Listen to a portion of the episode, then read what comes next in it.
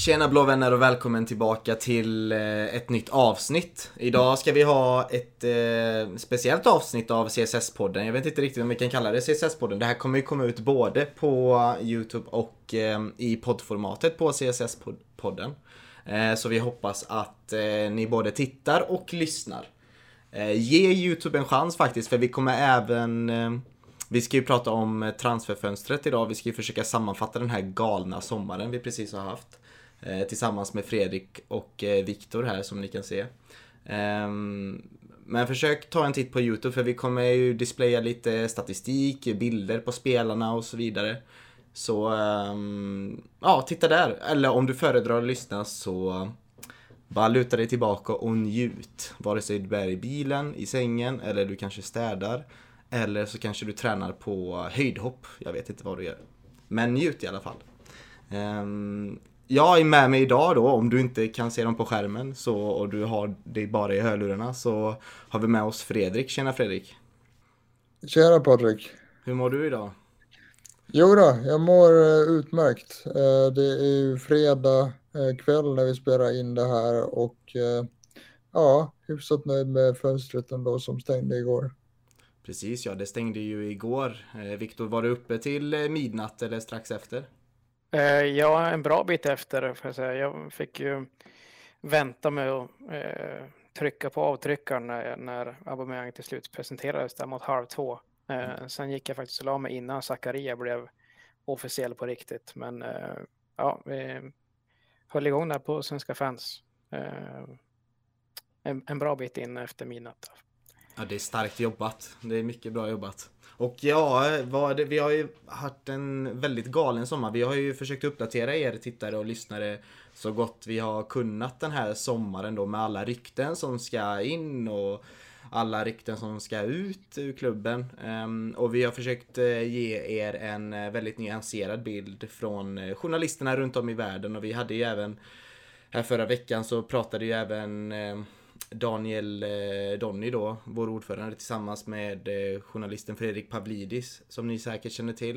Eh, där de gjorde ett lite större allmänt grepp om vart Chelsea kanske är på väg, vilken klubb det är, håller på att bli där. Och kanske lite, försöker lösa lite oklarheter kring det och vi ska bara ge er ren och skär fakta idag. Vad var det som hände? Vad var det som inte hände? Ehm, så vi välkomnar er att lyssna på uh, detta Transfer Special.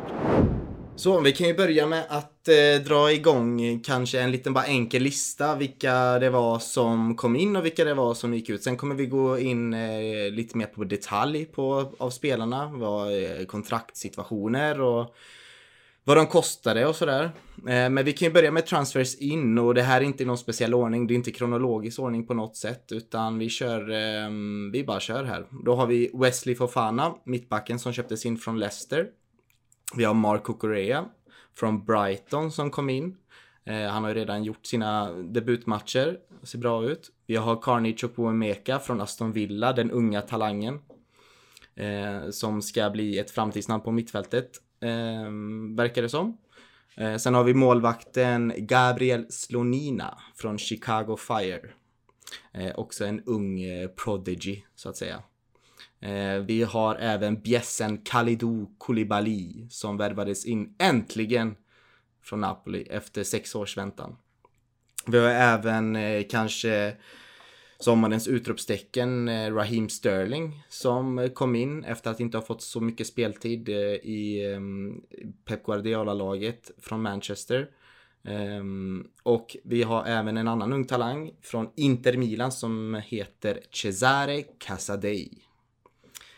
På deadline day så hände det ju en hel del. Ehm, vi har ju Temmes favoritspelare Pierre-Emerick Aubameyang som äntligen fick komma in till laget som han hade väntat Temmes på det.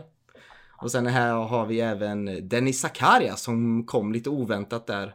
Mittfältaren eh, som värvades in från, eh, var det Mönchengladbach till, eh, till Juventus i vintras där.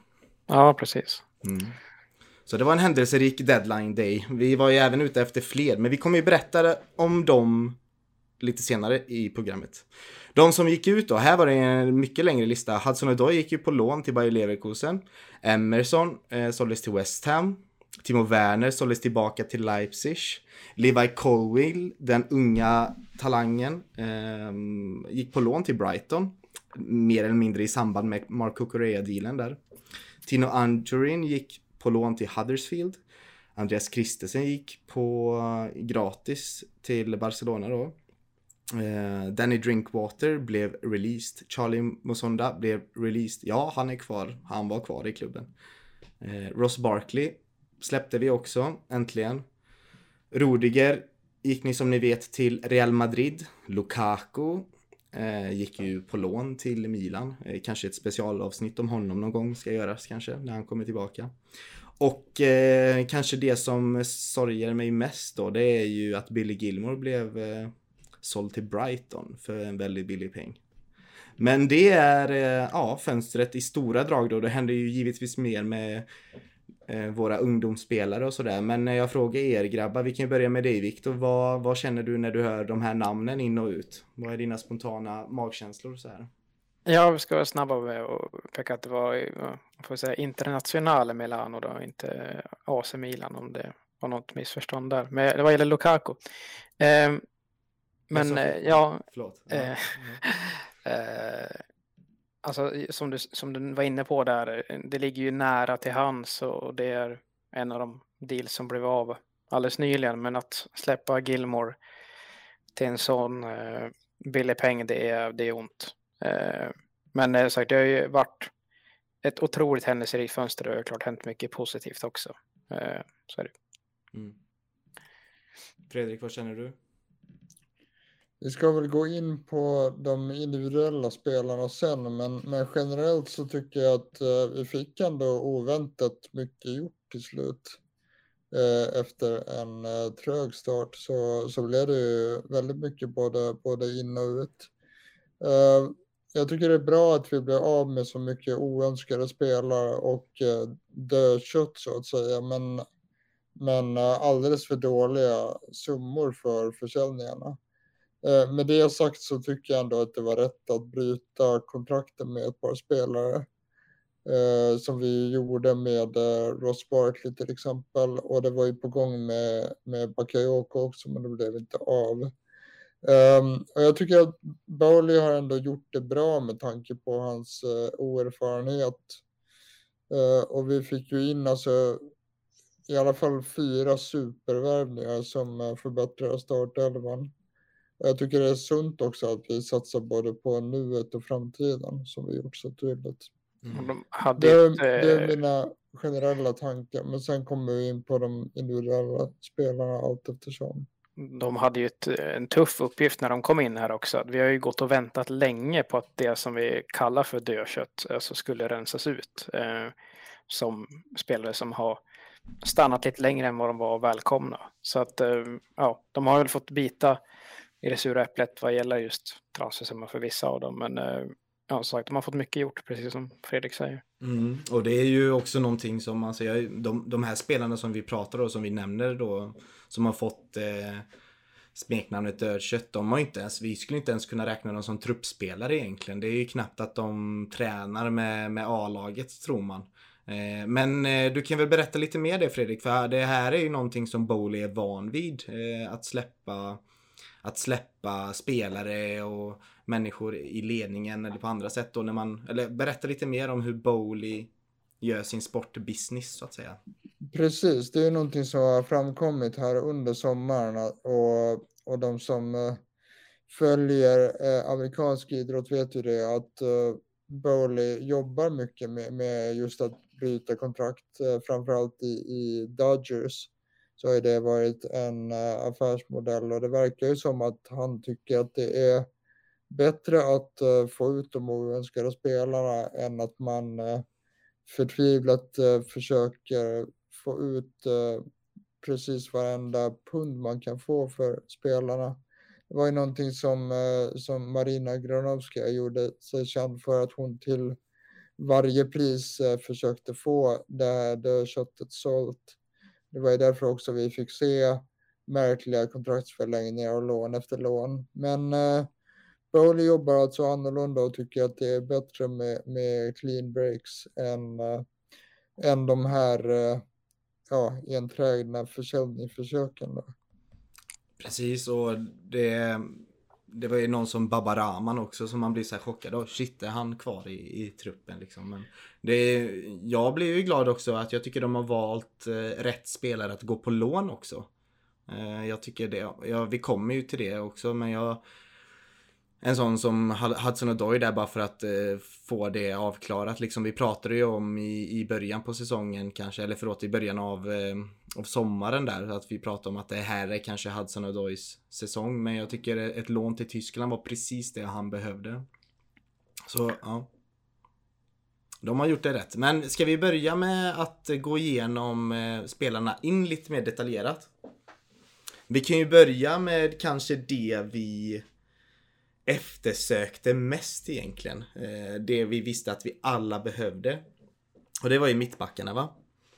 Eh, Kalidou Koulibaly känns det som att vi har pratat en hel del om och vi har hyllat honom och vi vet vad vi, vad vi får utav honom. Så jag tycker vi går in på en annan fransktalande mittback som kom in i, i vårt lag och förmodligen kommer komma rakt in i vår eh, startelva och det är ju eh, Wesley Fofana. Fredrik, vad, vad säger du om den här övergången? Det, var, det är väl något vi har väntat på va? Ja, eh, alltså det är en otrolig värvning. Eh, det är den absolut bästa unga mittbacken vi kunde värva eh, tillsammans med, med Delicht eh, i min mening. Och han var liksom någon som man inte trodde ens var på marknaden i början av sommaren så att det känns smått surrealistiskt. Ehm, han är en komplett eh, mittback redan nu och kommer ju bara bli bättre av att spela med Silva och Koulibaly. Och det får man ju lov att säga att det är ett klart överpris, men eh, smakar det så kostar det. Och det finns ju ändå ett symbolvärde i att han nu inte blev eh, världens dyraste eh, mittback. Eh, så det är ju en prestigevinst både för, för honom och för, för klubben. Um, den enda invändningen man kan ha egentligen är ju att eh, hans skadehistorik och inte minst hans benbrott. Men eh, som vi vet så flögs han till USA för att göra väldigt noggranna tester just för det här benbrottet och liksom kolla vilken slags inverkan eh, det skulle kunna ha på hans fortsatta karriär och eh, det visade sig att det inte fanns någonting att vara orolig över. Så jag, jag Eh, eh kommer inte ligga sömnlös eh, över, över den tidigare skadan utan vi har ju fått en, en fruktansvärt bra ung mittback. Ja, verkligen och framförallt eh, så det är väl det, han, nu vet jag inte hur, hur mycket sanning det ligger i det, men det verkar ha varit hans dröm att komma till Chelsea med. Att han har varit ett, lite av ett Chelsea-fan och att han tycker om Didier Drogba. Han har även postat på sociala medier då när ryktena verkligen började hetta upp och eh, när, han, när han var unge och hade på sig Chelsea-tröja. Men eh, så, så det är också så här kul. Han, eh, vad var det han sa i sin introvideo där? Bara, ah, ja, om 20 år vill jag se min banner här på, på Stamford Bridge. Och det, det ger ju mig väldigt mycket som supporter och jag kan tänka mig att han, han vet exakt vad han ska säga till sina supportrar. Eh, Viktor. Mm, och inte på ett cyniskt sätt att han vet exakt vad han ska säga, utan det verkar eh, komma genuint och han verkar ha varit väldigt angelägen om att eh, komma till Chelsea och var väl att han kopierade Reece James frisyrer också direkt när han kom in. Så att, ja, det, det känns tryggt att veta att han verkligen ville ha den här flytten. Eller var det tvärtom med frisyren? Det är det han hävdar i alla fall. Ja. Ja, just det. De hade väl haft en del kontakt i DMs och så innan det blev klart. Mm. Men vad landade summan på till slut? Det var väl eh, runt 80 miljoner euro va? Eller 75 miljoner plus add-ons eller vart landade det till slut? Nej, det, är just, det sägs ju vara strax under eh, 70 miljoner pund. Eh, utan add-ons, utan en ren, eh, ren klumpsumma då. Ja. Okej, vi håller oss till pund här. Det blir lättare kanske. Ja. Eller alltså det, det är väl lite från spelare till spelare, eh, tror jag. Eh, Åtminstone när det handlar om två brittiska klubbar så eh, känns pund bra. Precis, men, men det, det har ju varit lite, lite diskussion kring, eh, kring det exakta priset. Eh, Simon Johnson till exempel och eh, Simon Phillips har, har ju varit av den åsikten att det är strax under, under 70 miljoner pund och Fabrizio Romano hade väl lite högre där. Mm. Och det är också ett sexårskontrakt om jag har kollat rätt va? Det är ett sjuårskontrakt till och med. Okej, ja. Precis. Det verkar som att eh, det är någon slags outtalad regel, eller så att säga, eh, inte en regel utan någon slags styrdokument från Fifa som säger att man inte skriver längre än fem år i regel. Eh, Fem plus ett brukar kunna dyka upp ibland, men eh, några formella krav på det finns inte, så då kör de lite här halvamerikansk modell och kör. Ja, vi har gjort det tidigare med Kepa också. eh, Mm. Ett sjuårskontrakt. Och eh, eh, det kan man ju också säga om Bowley att han, eh, han jobbar med den här eh, amerikanska modellen då med eh, långa kontrakt. Eh, Sjuårskontrakt nu då på Fofana och det är det som har eh, ryktats om eh, när det gäller eh, Mounts och eh, James förlängningar också. Mm. Mm. Det var svårt att hitta fler källor på det, men Daily Mail i alla fall uppger att Fofana ska tjäna 200 000 pund i veckan. Eh, Chelsea. Mm, okej. Eh, men Vad de får stå oemotsagda. Men Viktor, vad är det för typ av eh, mittback vi får nu då till, till klubben? Ja, men det är en mittback som inte har en vad ska jag säga, jättestörsta sample sizen i form av Premier League-minuter, men ändå absolut tillräckligt i mitt tycke. Eh, han är bara 21 år gammal, Eh, har visat att han håller högsta Premier League-nivå i mitt tycke. Eh, ja, men han har fysiken, han har klokheten. Jag tycker att han är, ser fantastiskt fin ut med båda fötterna i, i spelet med boll och verkar villig också att kunna agera spelfördelare eh, bakifrån. Så att, sen har han ju använts lite överallt i Leicesters försvar och ser inte alls oäven ut. Eh, även när det inte handlar om en ren uttalad mittbacksposition. Så att eh, redan en jättebra mittback och som kommer växa ytterligare. Verkligen, det känns som att han har varit i ligan i många år och att han, han spelar med, med stor eh, erfarenhet. Som att han har mycket erfarenhet redan i, i ligan och som fotbollsspelare och som mittback. Och jag känner att han under Koulibaly och Thiago Silva kommer bara utvecklas ännu mer i rätt eh, riktning. Um, han, har ju, han är ju ganska målfarlig också. Han är ju, då, trots sin, han är inte den världens längsta mittback men han har ju bra spänst och nickar bra och är stark.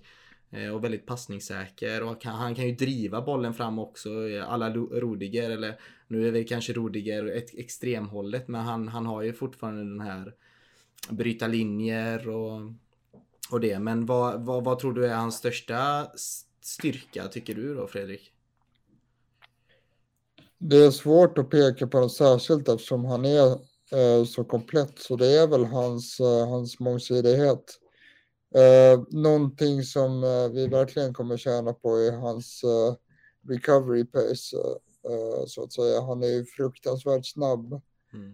Eh, så det är ju det är någonting vi kommer få av honom. Men jag skulle säga att det är hans, eh, det är hans eh, allround förmåga. För jag, jag kan inte se någon, någon eh, tydlig svaghet alls i, i hans spel. Det är klart att han kan ju höja sig flera nivåer när det gäller allt. Men eh, han har ingen, ingen uppenbar svaghet som jag ser det. Det kul att prata lite för fan. Det känns nästan som att man har glömt honom lite grann efter deadline day här. Att, eh, eh, varit klar ett par dagar innan. Eh, men är otroligt taggad på att se honom spela. Det har ju känts också som att han har varit, eh, vi har inte riktigt, vi har inte, liksom, inte varit bekräftat eller någonting, men vi har nästan alltid haft det på känn att det kommer landa snart, att det blir en here we go snart och att det blir eh, officiellt från klubbarna. Det har ju alltid varit Brendan Rogers med sina kryptiska presskonferenser. Det har ju känts som att vi kommer komma i mål, så man har ju kanske landat i att han kommer, men nu när han väl har på sig tröjan och man vet att oh shit nu kommer Reece James spela höger ytterback och inte, inte i, i den trebackslinjen så och så och- i det här så tycker jag det är så bra också att vi har Koulibaly och Silva som sagt att någon att han har två pappor där som kan lära honom att bli världsklass liksom. Eh, för det tycker jag inte att han är. Alltså, världsklass, det är, det är att ta i liksom. Men samtidigt i detta så får vi tillbaka Levi Colwill om ett år. Eh, igen då efter lån och förhoppningsvis har han gjort en bra säsong i, i Brighton. Så nu känns det ju mycket mer tryggt med. Mycket tack vare hans ålder. Han är ju bara 21 år. Jag tycker inte alls det är ett överpris för en 21-åring så här, alltså världstalang på, på, på eh, mittbackspositionen. Så jag tycker det här är en superaffär och om det inte, alltså jag hade ju Sterling som kanske den bästa värvningen eh, just för, eh, ja, han har ju redan gjort tre mål, men nu tycker jag att Fofana är det bästa värvningen vi har gjort denna sommaren. Mm. Alltså om vi ska köra betygssättningar sedan, då, då påverkas det väl det lite grann att det var eh, ja, så att man får ju betala för att det är sån kvalitet i en sån tidig ålder. Eh, men så hade det varit 20-30 miljoner till, då hade jag utan tvekan sagt 10 av 10, men det kanske kommer några hack ner då, i och med att man fick slanta upp så mycket. Men eh, det är Bowley och Clear Capitals pengar, så att eh, ja. de får spendera dem så som de känner att det är vist. Precis, och sen var det ju Leicester var ju också en lite prekär situation med med sina spelare. De, var väl, de har inte värvat in så mycket så de, de fick ju det, de pengarna de ville ha. Fredrik, eller hur? Det fick de verkligen och vi, vi vet ju att, eh, att de är oerhört skickliga på att få höga summor för sina, eh, sina stjärnspelare. Eh, det har vi inte sett eh, eh, minst med eh, Harry Maguire som gick för 80 miljoner pund, vilket är helt eh, otroligt. Men eh, eh, när allt kommer kring så tycker jag att det var en win-win för alla parter ändå. Mm. Men ska vi, precis som du var inne på Viktor, vi ska ju betygsätta eh, varje övergång. Det glömde vi nämna där i början. Men vi kan ju börja med Fofana. Vi har ju en hel del spelare att gå igenom så vi kan ju vi börjar med ett betyg eh, direkt där och vi tänkte att vi kör 1 till 10 och man får gärna köra punkt eh, 2,5 om man vill det. Eller 2,5 eh, som sagt. Man får, eh, men 10 är liksom det skulle jag nog vilja säga är liksom att man får Neymar på gratis eller någonting eller no i den stilen. Liksom. Så vi börjar och då är det inte bara spelaren vi tänker utan det är affären som helhet precis som Viktor var inne på. Men vi kan ju börja med dig Viktor vilket betyg skulle du vilja ge Wesley Fofana till Chelsea? Ja, men jag behöver inte fundera så länge och jag tror jag håller mig från decimalerna eh, till en början i alla fall. Men då skulle jag säga att eh, sett till det pris man betalar eh, och den spelare man får så ska jag säga att en 8 av 10 i alla fall. Jag är supernöjd. Mm. Fredrik? Jag kanske verkar väldigt optimistisk men eh, jag skulle sätta 9 faktiskt. Och det enda som drar ner eh, betyget är, är just eh, priset och sen den här lilla, eh, lilla farhågan om skador. Men annars så är det en helt otrolig mittback i, i så ung ålder också. Mm. Jag skulle nog också vilja ge det en 9 av 10. Det mest på grund av att det är en så talangfull mittback eh, som är beprövad i Premier League och jag bryr mig inte så jättemycket om den transfersumman. Det har ju varit så sjuka transfersummor de senaste åren. Så att det känns för en 21-årig och så här långt kontrakt med en så här lov med en kille som förmodligen har en lovande framtid framför sig som kunde förmodligen spela till vilket klubblag som helst i hela, hela världen så känns det som en eh, stark 9 av 10 för mig. Mm. Och det kändes ju nästan ganska hopplöst där i början på sommaren men det har ju löst sig otroligt bra så med facit i hand. Eh, alltså det vi tappade. Eh, men ja, det handlar bara om att eh, få dem att funka på plan tillsammans allihopa men eh, det, det... nu ser man ju med tillförsikt på mittlåset. Helt rätt. Alltså Rudiger, Christensen ut, Fofana, Koulibaly in. Det, det är en stark uppgradering. Ja, men vi kan ju hoppa över till eh, Kalidou Koulibaly. Vi har ju pratat en del om honom. Vi kanske inte behöver gå in rakt på eh, betygssättningen. Vi kan ju, vi kan ju, eh, vi har ju fått se några matcher med honom nu. Några matcher. Vi har ju fått se två matcher. Han blev ju avstängd efter sitt röda kort. Ehm, ja, vad, hur, hur skulle ni vilja betygsätta kanske med ord då hans första inledande matcher i Premier League? Det har väl varit högt och lågt eh, vad gäller hans eh, prestationer. Eh, han var ju inte superbra i förra matchen, men det, det var ju ingen heller. Och eh, inte heller mot Leeds var han särskilt bra, men innan dess så var han ju... Just det, tre matcher. Eh. Tre matcher. Ja, precis. Ja. Eh, innan dess så var han ju väldigt bra och även under, under försäsongen. Men eh, ser man på honom som värvning så är han absolut perfekt eh, ersättare för Rydiger och eh, rent av en eh, upgrade skulle jag säga. Och det säger väldigt mycket om hans kvalitet med tanke på hur, hur eh, fantastisk eh, Rydiger var när han eh, lämnade. Det är ju tveklöst en av eh, världens bästa mittbackar och ersätter dessutom den rutin som vi tappade med eh, Tony Rydiger. Eh, man kan ju tycka att 34 miljoner pund eller 40 miljoner euro, vad man nu föredrar, är dyrt för en 31-åring med ett år kvar på kontraktet. Men eh, återigen, smakar det så kostar det. Eh, och jag tror att han kommer låta sig visa vara värd varenda pund. Eh, den enda lilla invändningen som jag har eh, är väl längden på hans kontrakt. Han har ju skrivit ett eh, fyraårskontrakt med eh, option på ett femte år. Ja. Eh, och då kan man ju fråga sig, håller han eh, när han är 35-36? Det återstår att- se om han är ett unikum precis som Thiago Silva. Men här och nu så är det en helt perfekt värvning. Mm. Viktor, vad, vad känner du?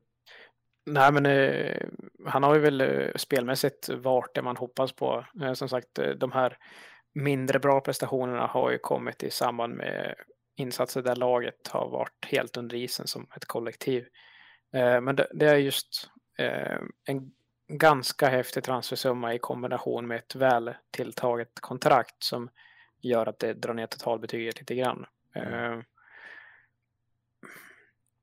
Eh, jag kanske får säga åtta där ändå till slut. Mm. Eh, för som sagt, han kommer ändå eh, hålla den här nivån ett par år till minst. Eh, det är jag rätt, eh, rätt säker på. Mm.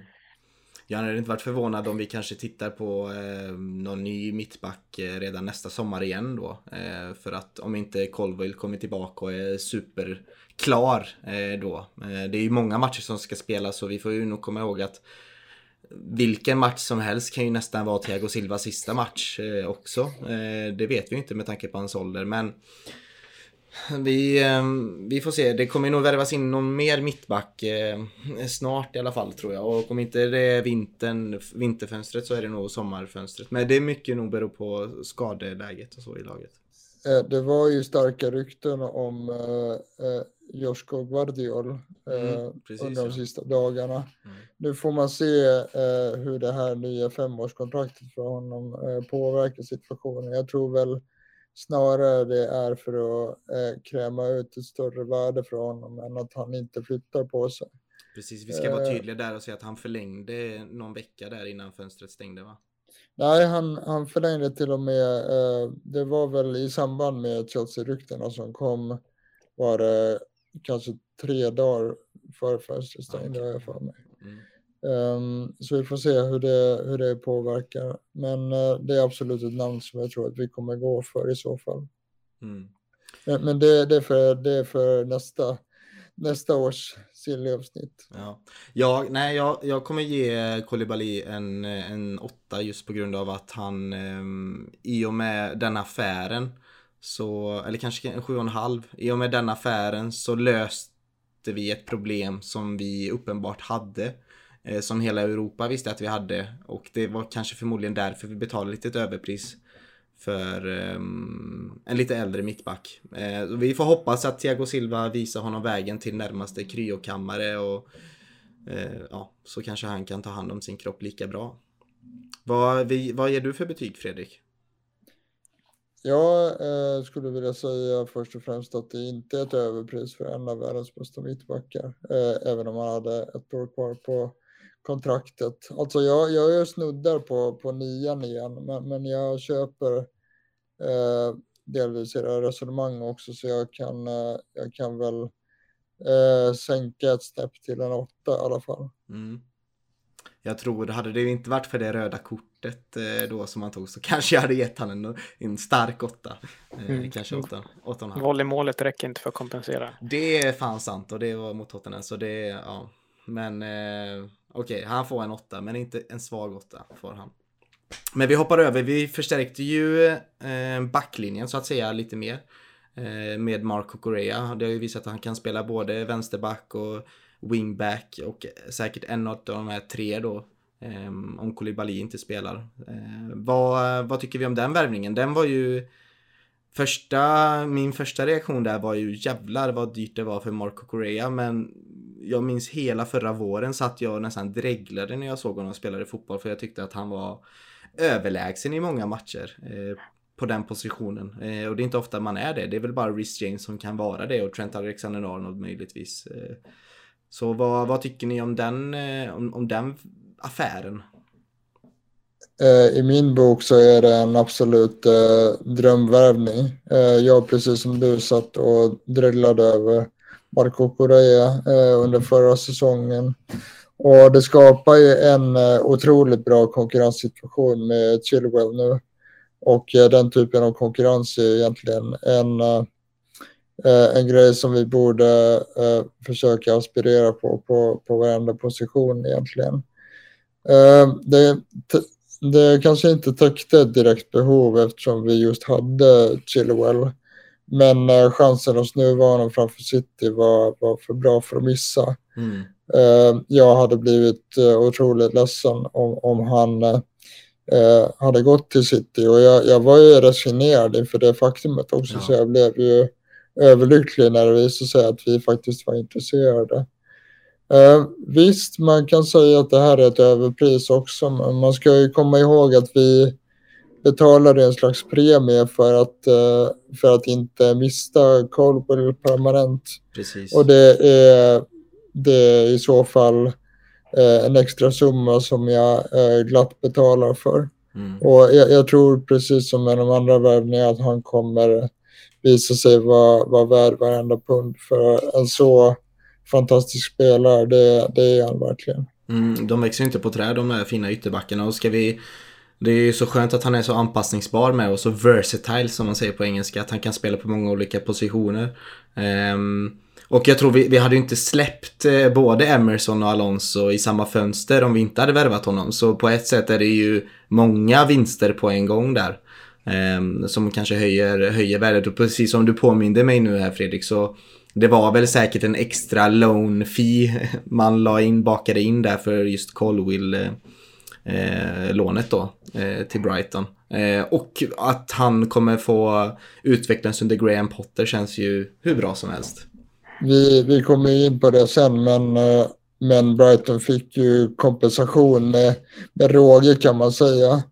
Eh, i och med, i och med den här struntsumman som vi släppte Gilmore för. Då.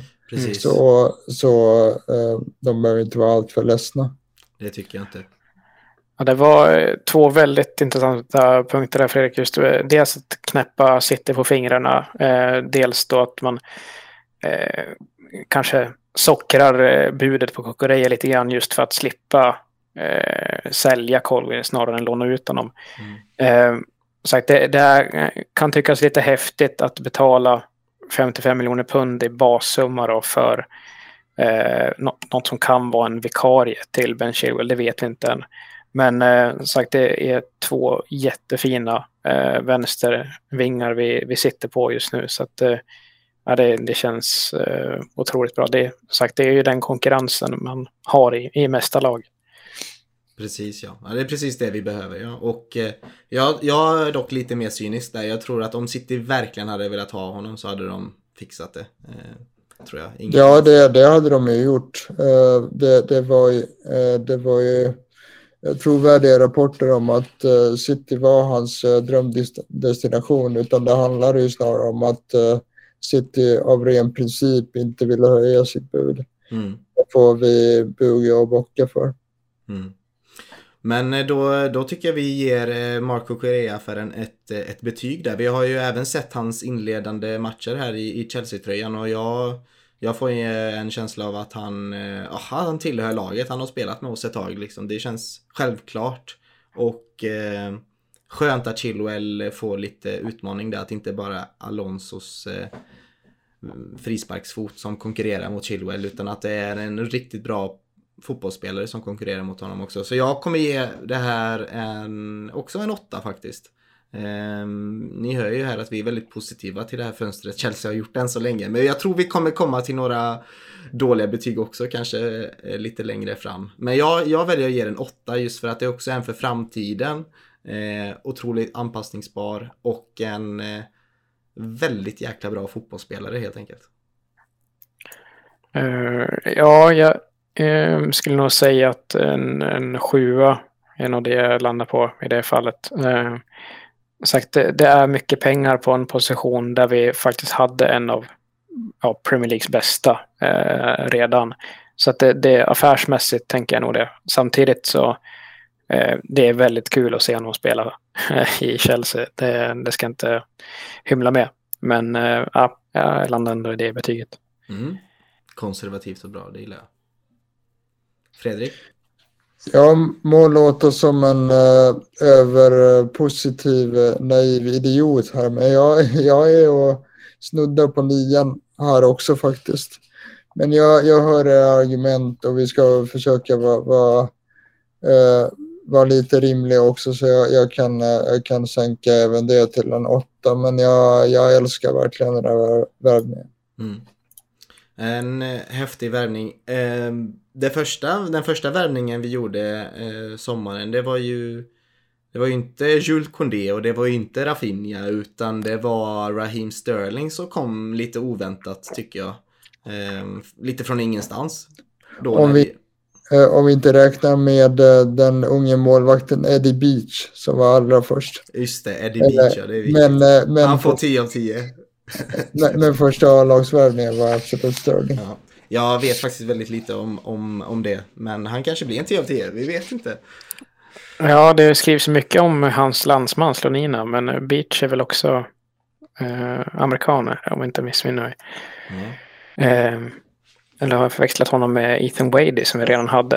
Eh, ja, jag, jag, jag, tror att han är väldigt engelsk. Eh, ja, Precis, ja, men det, eh, ett till enamn. Wade har vi i ja. akademin som är jänkare. Så är det. Mm. Men sommarens andra storvärvning då, det var ju eh, Raheem Sterling som kom lite oväntat från eh, Manchester City då han inte kände att han fick tillräckligt med speltid i Pep Guardiolas lag. Och eh, här tycker jag att summan var bra. Eh, jag tycker det är en klassspelare. Jag, jag var väldigt nära när jag satt och tänkte på betyget så var jag nära på att ge det här en 10 av 10 för det här är för mig en eh, riktigt bra affär. Eh, just för att det är vi köper någonting, vi, vi, det, är ingen, det, är ingen, det är inte så att vi kastar med tärningarna här och att ja men vi hoppas att den här killen kan bli bra lite som Kai Havertz då eller Timo Werner utan det var en klar, vi vet vad han kan leverera. Och jag snuddar väl på en 10 men väljer att ge det 9,5. Han har ju även visat nu i inledningen av Premier League att han, han kan göra mål och hade han haft bara lite mer skärpa så hade han eh, han hade inte konkurrerat med Erling Haaland och skytteligan redan kanske men han hade ju haft kanske fem kassar. Så jag väljer att ge den här eh, 9,5. Eh, jag tycker det är en utmärkt, eh, utmärkt affär. Mm. Vi har ju en eh, konkurrent svagare i och med att vi plockar honom då. I och för sig nu får de skälig kompensation eh, för det. Men sagt, det är, det är en bra summa för en eh, spelare av yppersta Premier League-klass. Eh, och har ju många säsonger varit Citys främsta målskytt. Mm. Eh, och har flera säsonger bakom sig nu där han har tio mål eller fler i ligaspelet. Så att, eh, supernöjd. Eh, han får komma hem till London och vara lite mer herre på täppan. Eh, så att, ja men jag är snarlikt, men jag säger 9 av 10 i alla fall. Mm. Det är lite, lite, jag har fortfarande inte riktigt valt mig kanske att se han i en, i en kungsblå tröja, men det, det tickar väl på. Det var samma med Giroud där. Så vad, vad, vad vill du ge för betyg på denna Fredrik? Eller har du några kommentarer kring Raheem Sterlings inledande säsong till att börja med kanske?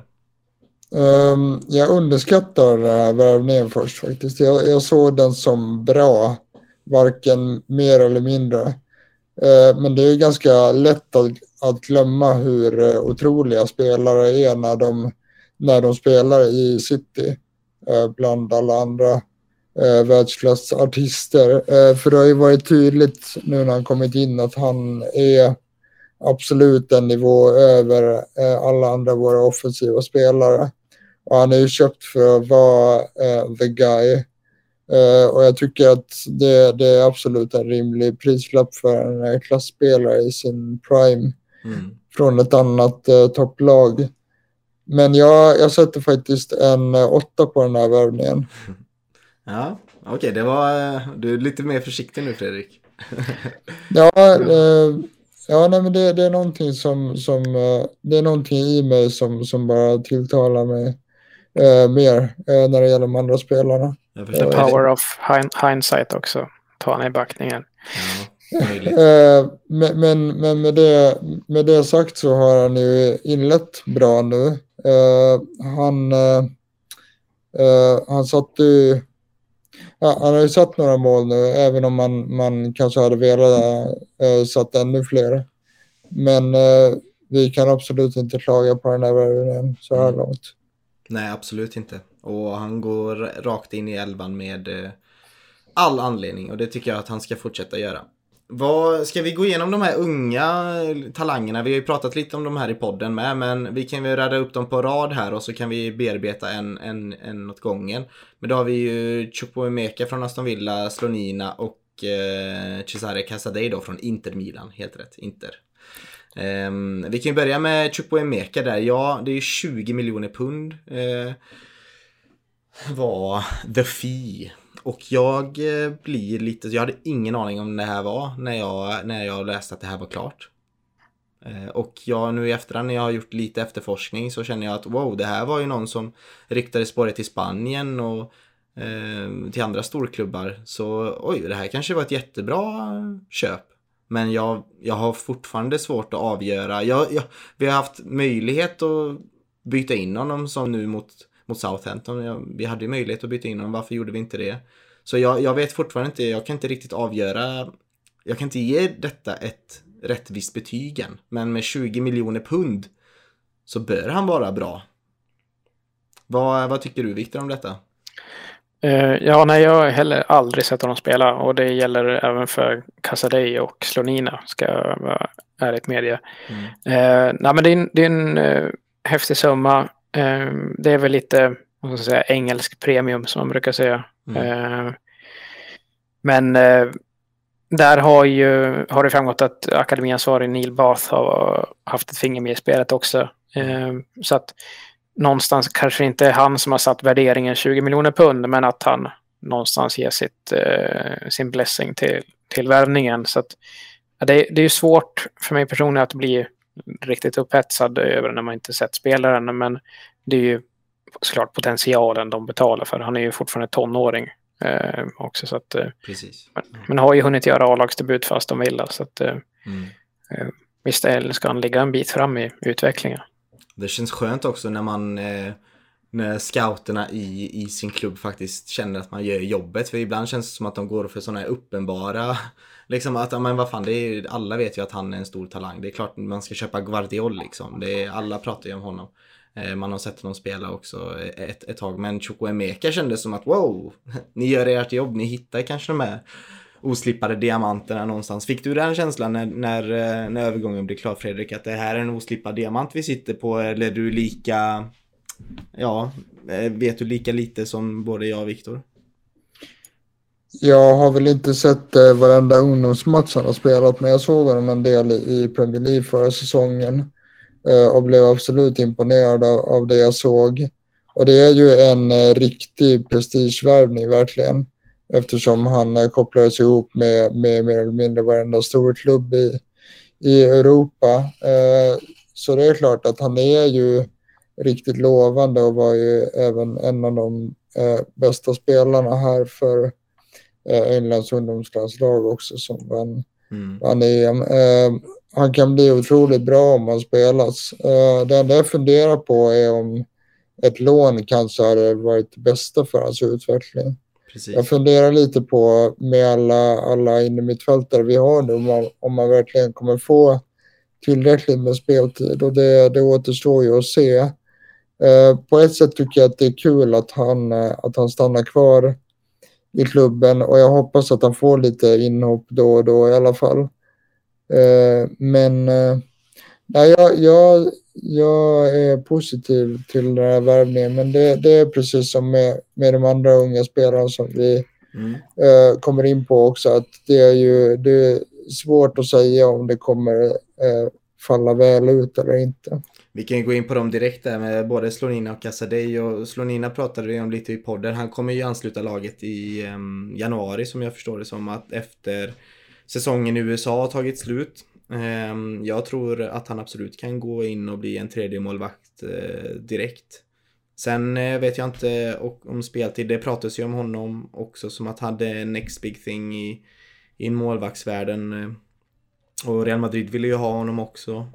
Det gör mig väl lite trygg att okej, okay, det var viktigt för Chelsea att få honom. Cesare Casadei vet jag ingenting om. Jag vet, jag har väl kollat upp lite på italienska medier och där har man pratat väldigt varmt om honom. Eh, så det, då känns det också som att vi håller på att bygga någonting inför framtiden här. Ehm, om vi, om vi sammanställer bådas övergångar till Chelsea och de här eller vi kan ta väl alla tre. Vad, vad, vill ni kanske betygsätta ungdomssatsningen vi gör? Talangsatsningen vi gör kanske istället? I kontext av de talanger vi släpper ifrån oss eller nästan tvingar ut så känns det som att det blir som tvetydigt. Eh, kanske framförallt emotionellt eh, från mitt håll. Men eh, det, det, är ju inte en, en dålig övning på något sätt att samla på sig eh, talanger från Europa och, och omvärlden. Men eh, eh, de, det är ganska stora pengar för spelare som inte är särskilt mycket mer meriterade än de eh, Cobham Graduates som mm. faktiskt skeppar iväg. Så att, ungdomssatsningen, ja, en fyra kanske då. Eh. Mm. Finns det risk kanske att vi överskattar våra egna akademi graduates? Fredrik? Det tycker jag ändå inte med tanke på eh, hur de eh, allra flesta har eh, presterat när de eh, väl flyttat till andra klubbar. Om vi tittar på, på Tomori, på, eh, på Livramento eh, och på Billy Gilmore nu som jag, som jag är säker på eh, kommer slå eh, så, så tycker jag inte det. Utan vi har haft eh, en riktigt bra generation. Eh, och det är ju allom känt skulle jag säga att vi sitter på en av, en av världens bästa akademier nu. Mm. Eh, så jag tycker ändå inte att vi överhypar dem. Eh, om de hade gått och floppat i andra klubbar så hade det varit en annan sak. Men om man tittar då på Tomori så han har blivit en bärande spelare i AC Milan mm. eh, väldigt fort och det, det säger väldigt mycket. Mm. Eh, och då, då nämnde, jag, nämnde jag ändå bara några exempel av, av, eh, av de många spelare som har, eh, som har lämnat klubben. Men det finns ju många som inte kanske har lyft i de höjderna. Jag minns att vi också Chelsea-fans också var lite det här med Marco Ehi. Vi var ju inte alls glada att han gick. Ehm, men det verkar vi ha släppt ganska snabbt.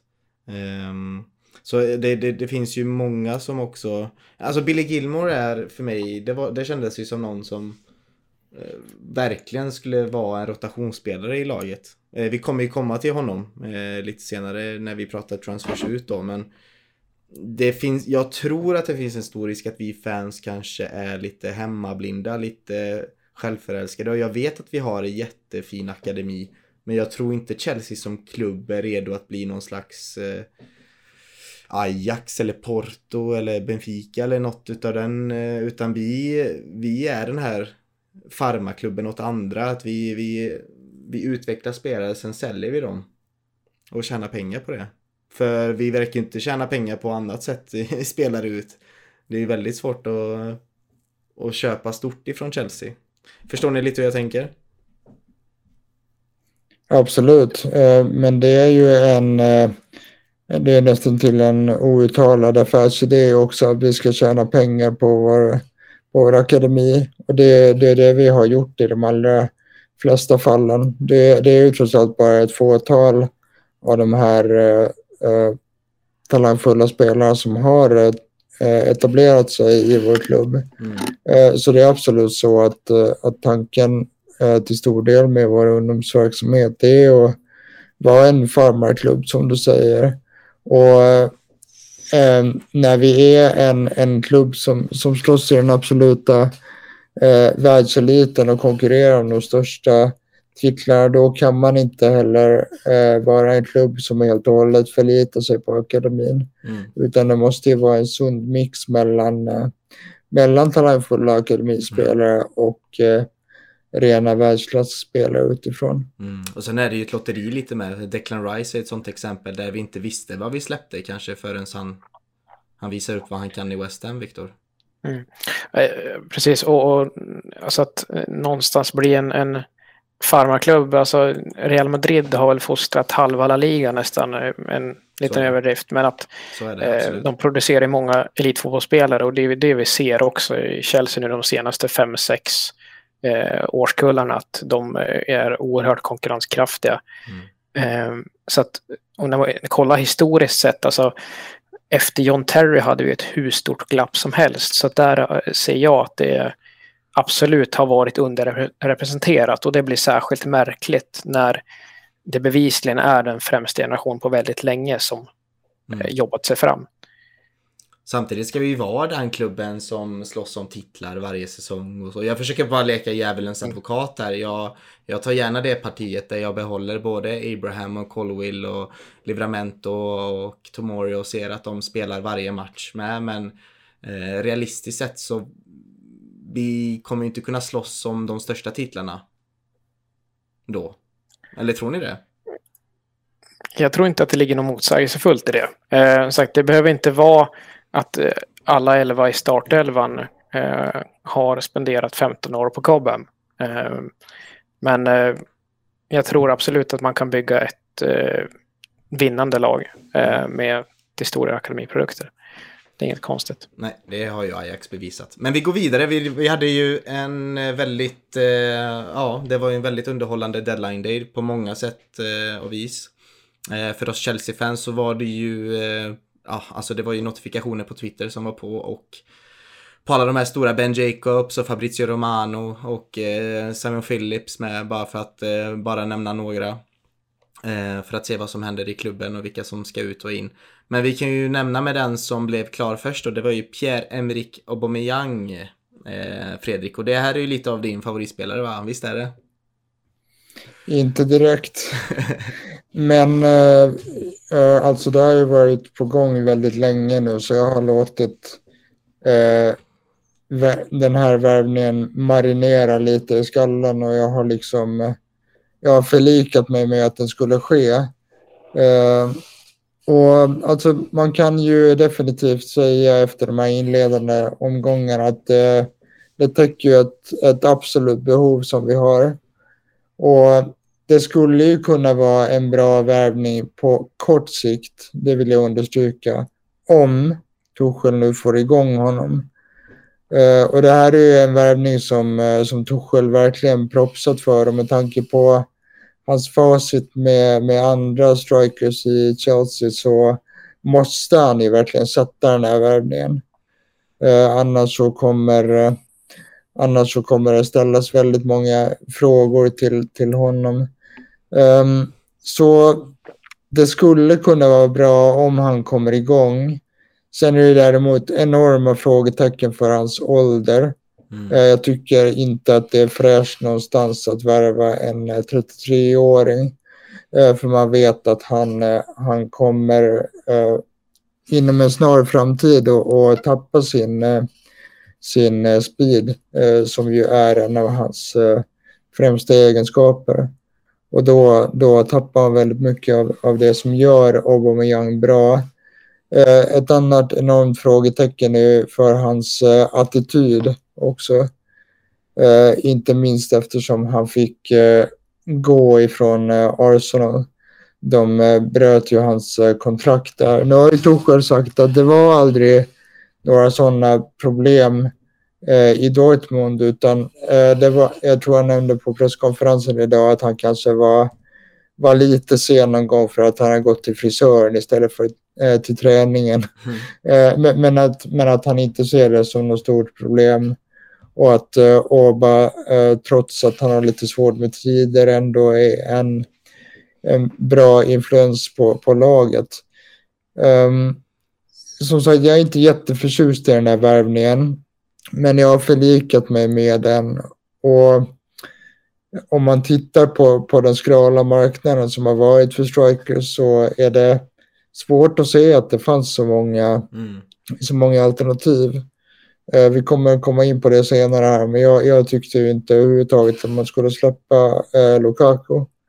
Men nu när man gjorde det så behövdes det ju en ersättare och eh, Oba skulle kunna bli eh, en hyfsad värvning på kort sikt och, och sätta de här målen som vi eh, så desperat behöver. Sen är det lite trist också att han blir borta en månad eh, på grund av eh, sin eh, brutna käke. Han var ju med om något väldigt tråkigt här de senaste dagarna och det var ju att eh, det bröt sig in inbrottstjuvar i hans hem och där, när han då försökte eh, när han då försökte försvara sin familj så våldförde sig de här rånarna på honom. Precis, jag var faktiskt i Barcelona under den tiden. Eh, Lite även- misstänkt. Ja, eller Och eh, jag, jag såg ju, det var ju precis dagen efter. Jag hade sett eh, Barcelona mot eh, Valladolid i söndags då och min första tanke, han var ju på bänken men han fick ju inte hoppa in och tänkte ja men han kommer.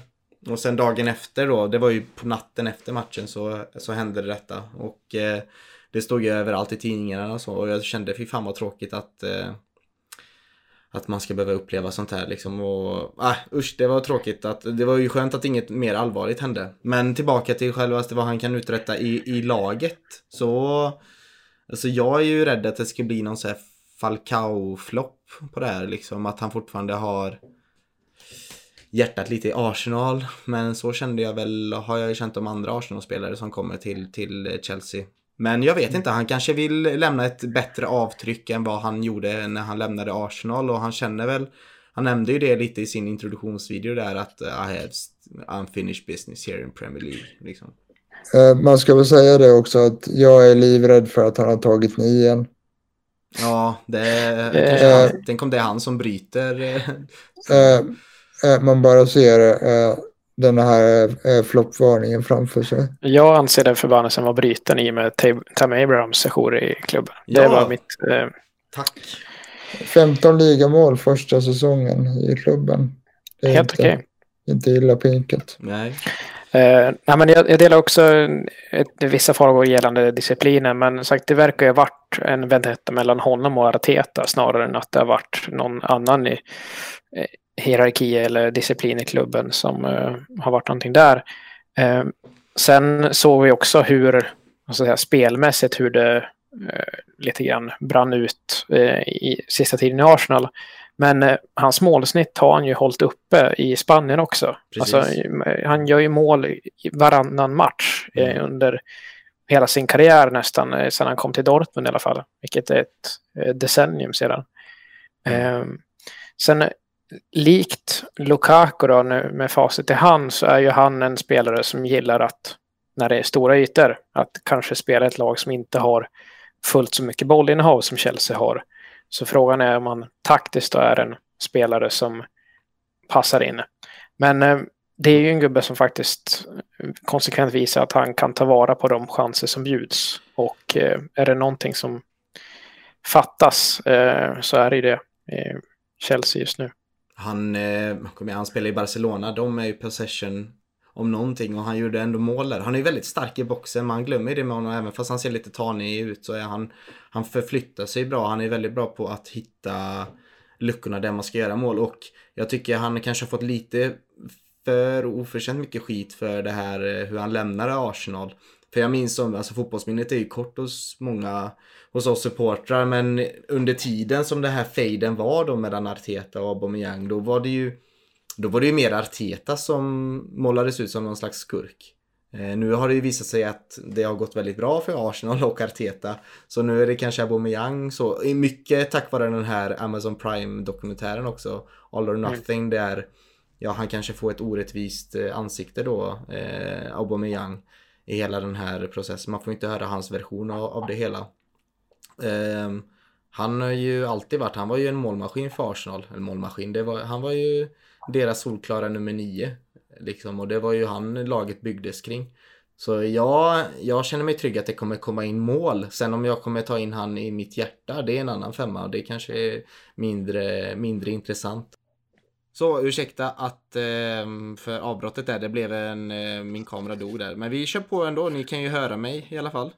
Och eh, vi börjar med att eh, avsluta Aubameyang-snacket då, det var ju, vi, vi kom ju överens om att han kan göra mål i alla fall, men att det kanske kan bli lite svårt att tycka om värvningen. Men vad tycker vi om affären om vi nu ska betygsätta den? Vi kan börja med dig Viktor. Ja, vi ska ju tänka på det. Det är ju inte bara den här köpesumman som rapporteras till eh, omkring 12 miljoner pund, eh, utan det är också det faktum att eh, man indirekt går med på att bryta kontraktet med Marcus Alonso så att Barcelona slipper betala någon form av övergångssumma för honom. För det är den uppgörelsen som görs gällande. Så det är ju inte helt gratis för den 33-årige forwarden då. Men alltså, jag är inte helt såld på, på spelartypen eller hur hans karriär har sett ut de sista ett och ett halvt, två åren. Men eh, som sagt, det, det adresserar ett, eh, ett hål i truppen. Eh, och eh, även om det kanske innebär att Bro, Broja får något färre minuter den här säsongen så kan vi säga en 6 av 10. Mm.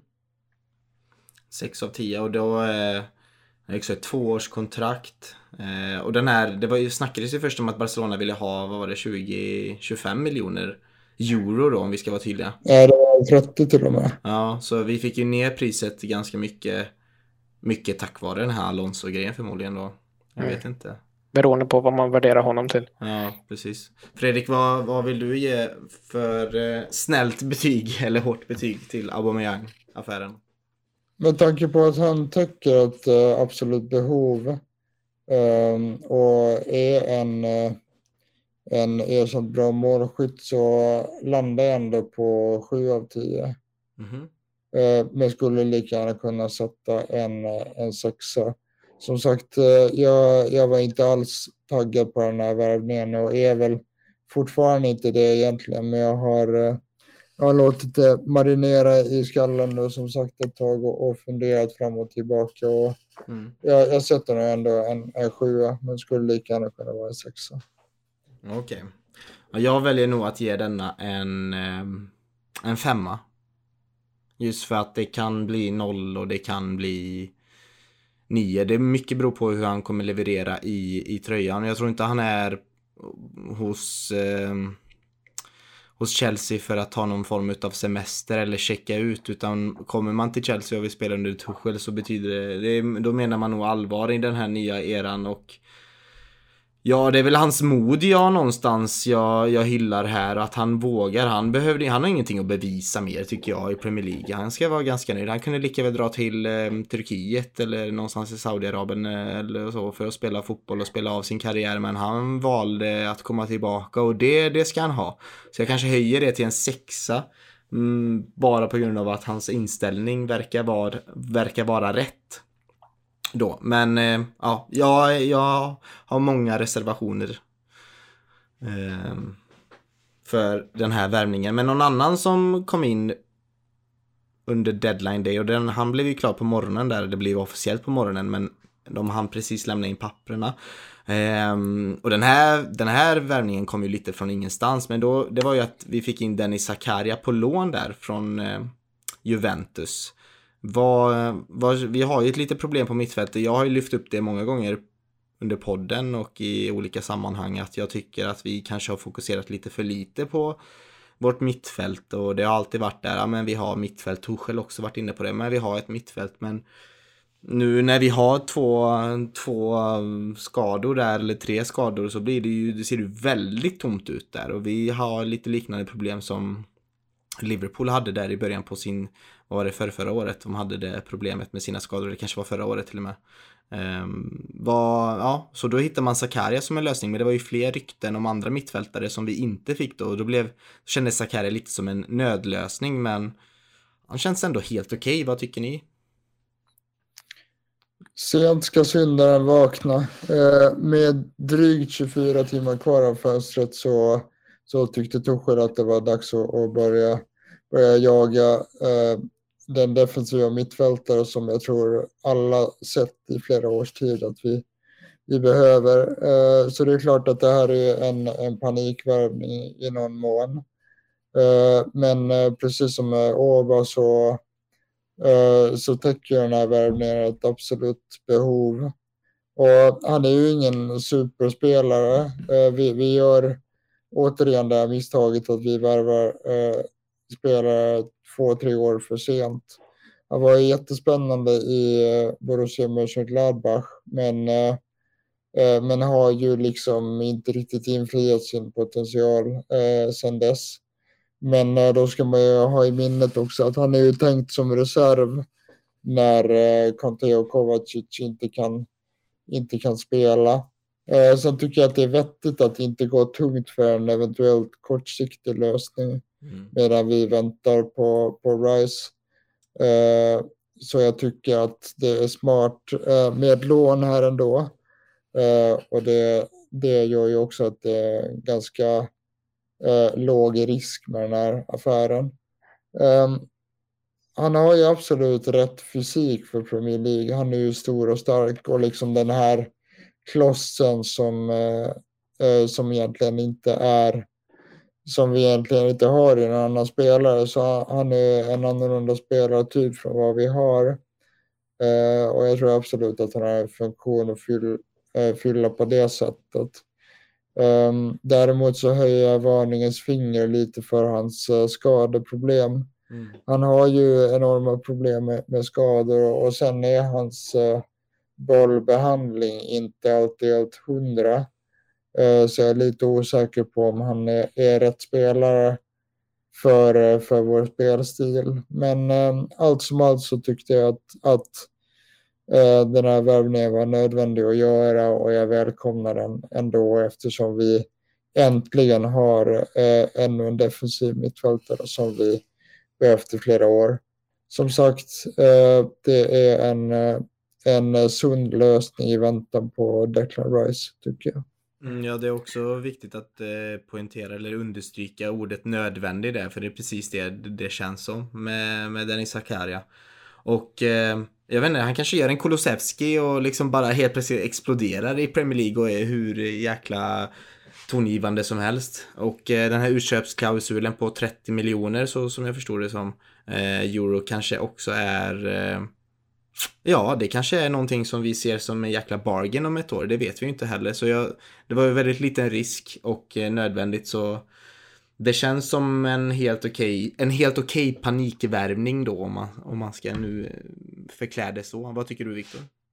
Ja, nej, jag förstår väl lite grann de som ropar Saul liksom eh, när det väl blir klart ja. eller Chelseas intresse avslöjas. Men Nej, Chelsea hade ju inga mittfältsreserver att kasta in för att eh, ja, Tuchel vägrade här senast eh, mot SA-15. Eh, då fanns det ben att ersätta Loftus Cheek med eh, om man nu absolut inte ville riskera Kosic hälsa. Mm. Eh, men det, det hör det här. Eh, så att, nej, det mesta jag sett av eh, Zakaria det är väl för Schweiz och just de tillfällena har han väl inte varit en spelare som har stuckit ut nämnvärt så. Men eh, sagt, det, det, eh, det är ju flertalet spelare som har lämnat Juventus sista två, tre åren som har haft väldigt fina karriärskurvor efter ja. att de kom från Turin. Så att, eh, eh att eh, den här flytten i januari inte har blivit det de hoppas på, det behöver inte betyda allt för mycket egentligen.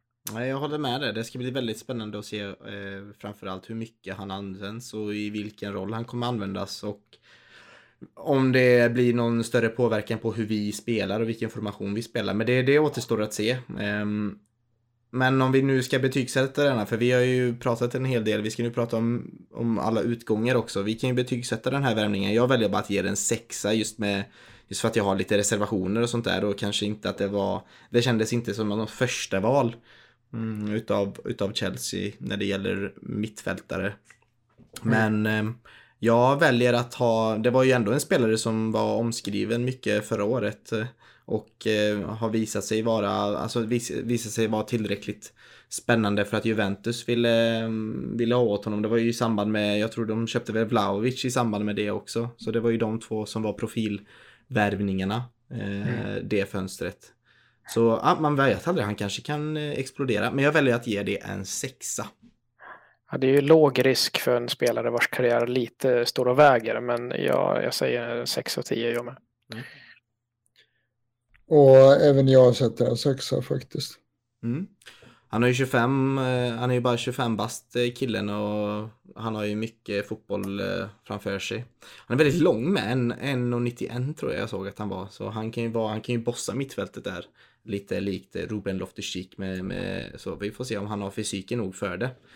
Eh, vilket du tror det är Fredrik. Men vi hoppar över till utgångarna tycker jag. Vi tar en liten paus.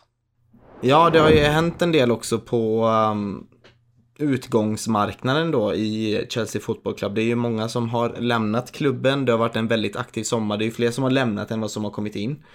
Eh, mycket av de, många av de spelarna som har lämnat är eh, spelare som vi förväntade oss att lämna. Eh, och så finns det ju lite kanske mindre utropstecken här och där. Vi kan ju gå, vi kan ju, kommer gå igenom dem en och en.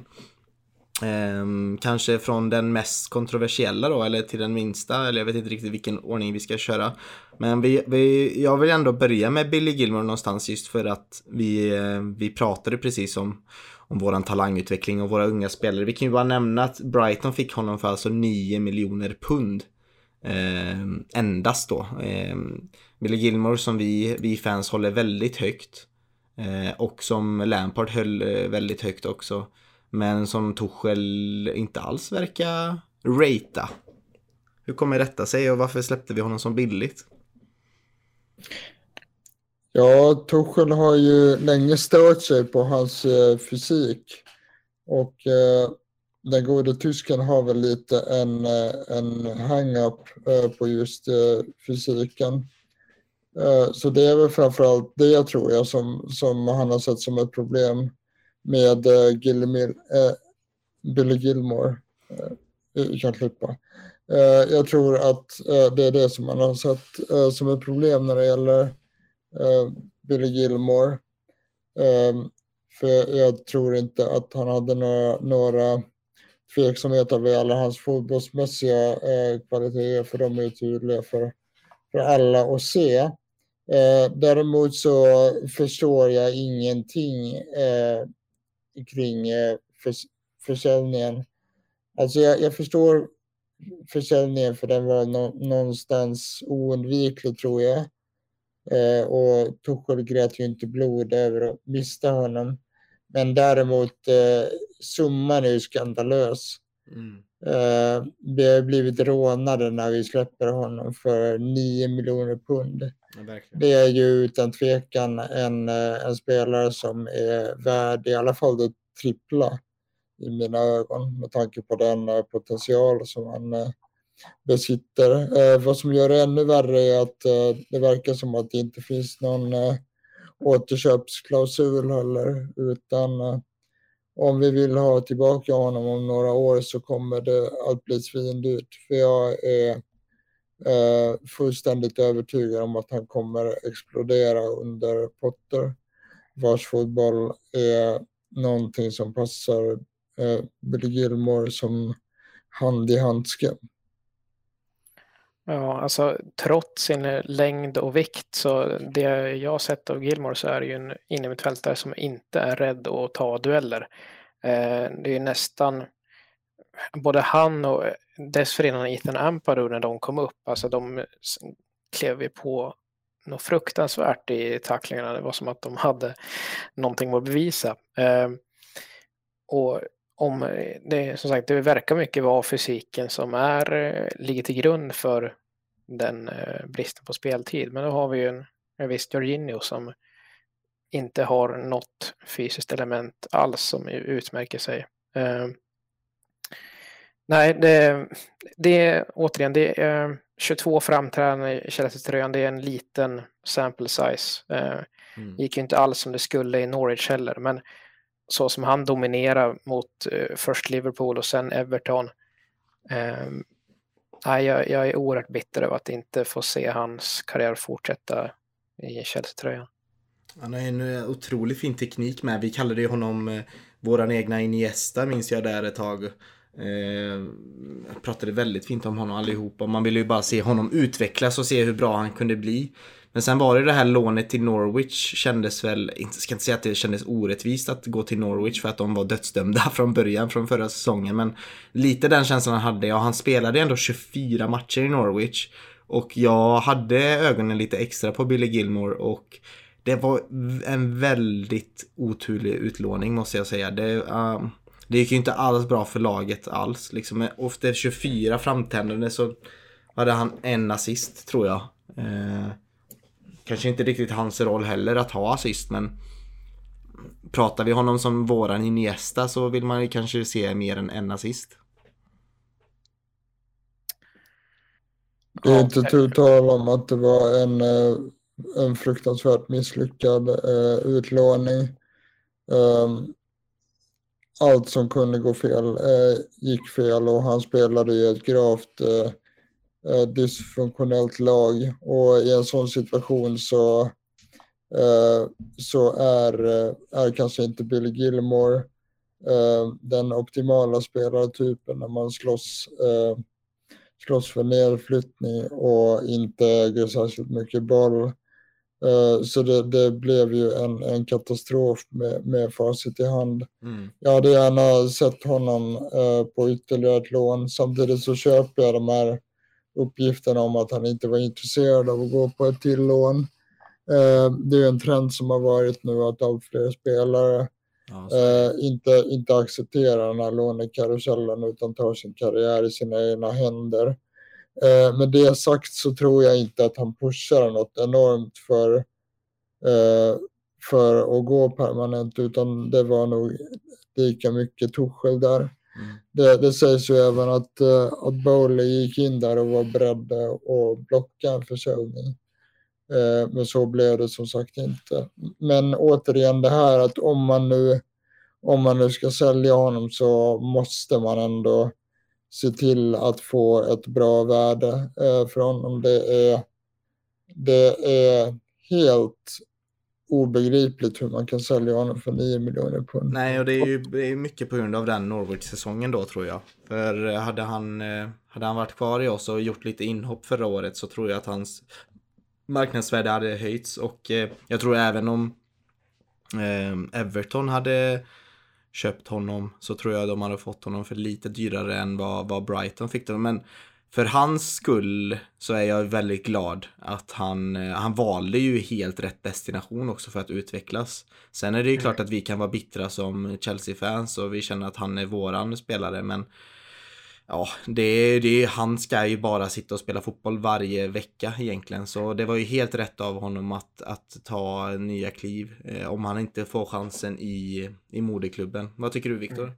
Nej, men det framstod ju ganska tydligt i somras att han inte var någon prioritet för Tuchel, hans stab. Så att om man då kan komma till slutsatsen att eh, han eh, är expendable, att det, det, går att sälja, då mm. kan man ju ta det beslutet mycket tidigare under fönstret så att man har chans att förhandla till ett konkurrenskraftigt pris. Eh, det som sker nu. Eh, för nu sitter Brighton på en diamant och som sagt han har ju jättefina förutsättningar under Graham Potter att realisera sin eh, potential.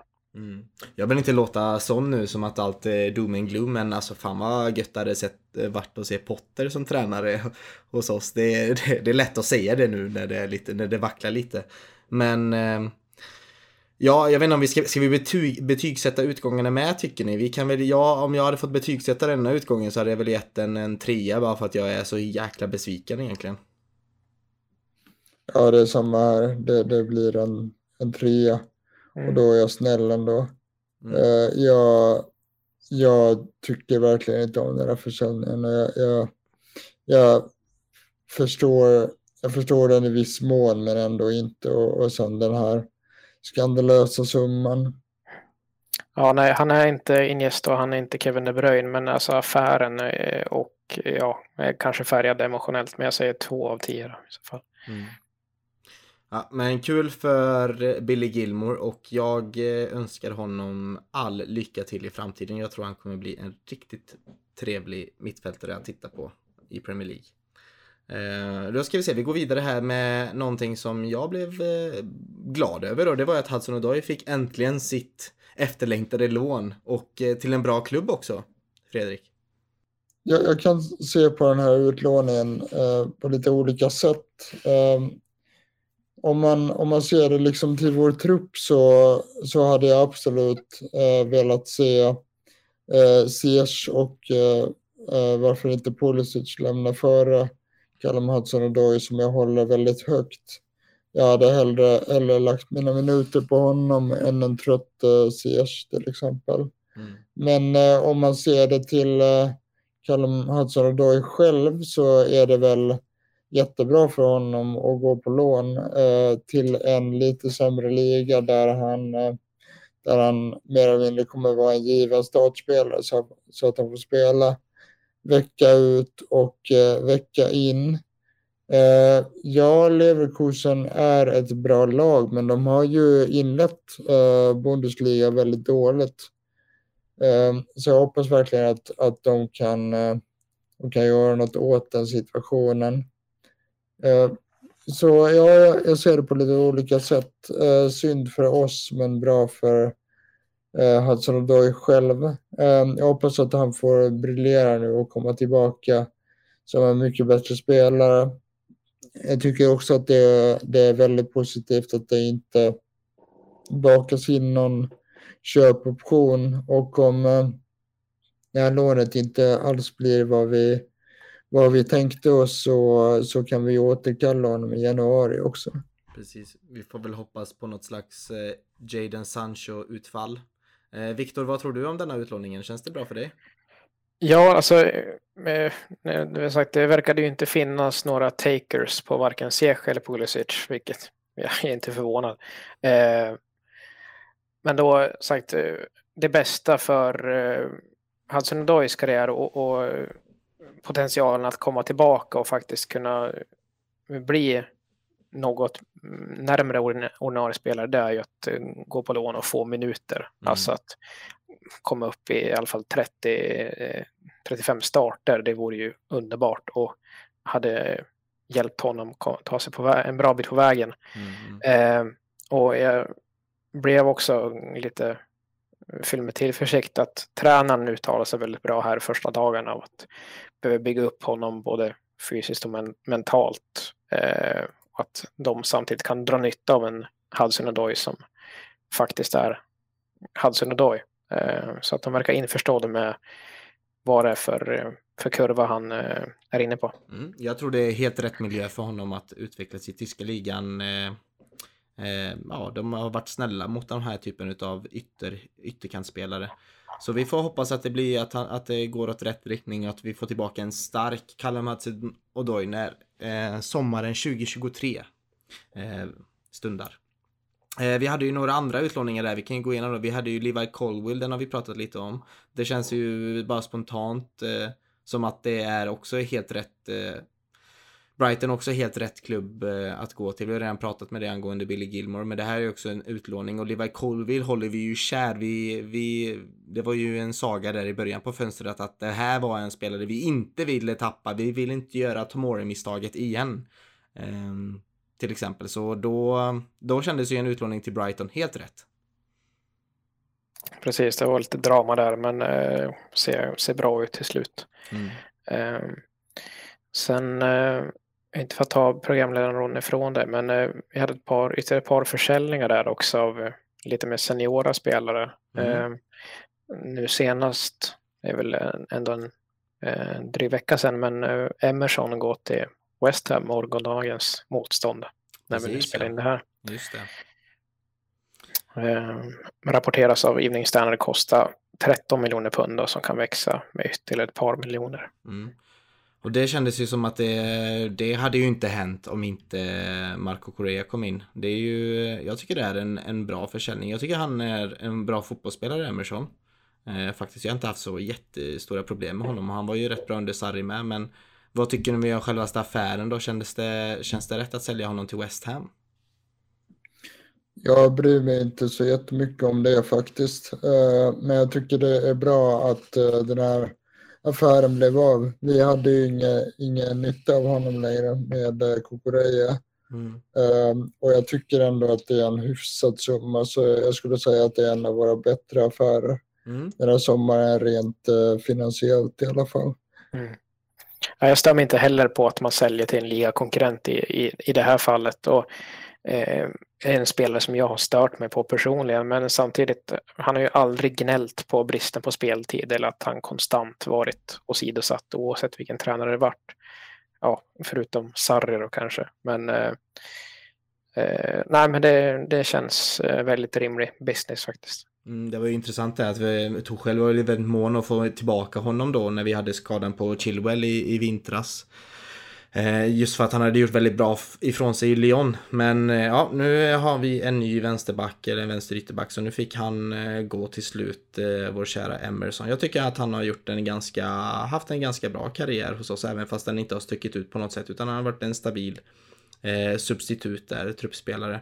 Eh, någon annan profilstark som vi eh, tappade, kanske en lite sämre affär då, det var ju att vi sålde tillbaka Timo Werner till Leipzig och det, det har vi pratat om när vi vi, vi, vi gjorde det live, Fredrik, eh, som du minns, eh, tillsammans med Kristoffer Jansson. Och ja, vi kände väl att det, det här var också en sån här win-win eh, för alla parter, förutom att det kanske inte klirrade i kassan så som vi ville att det skulle göra.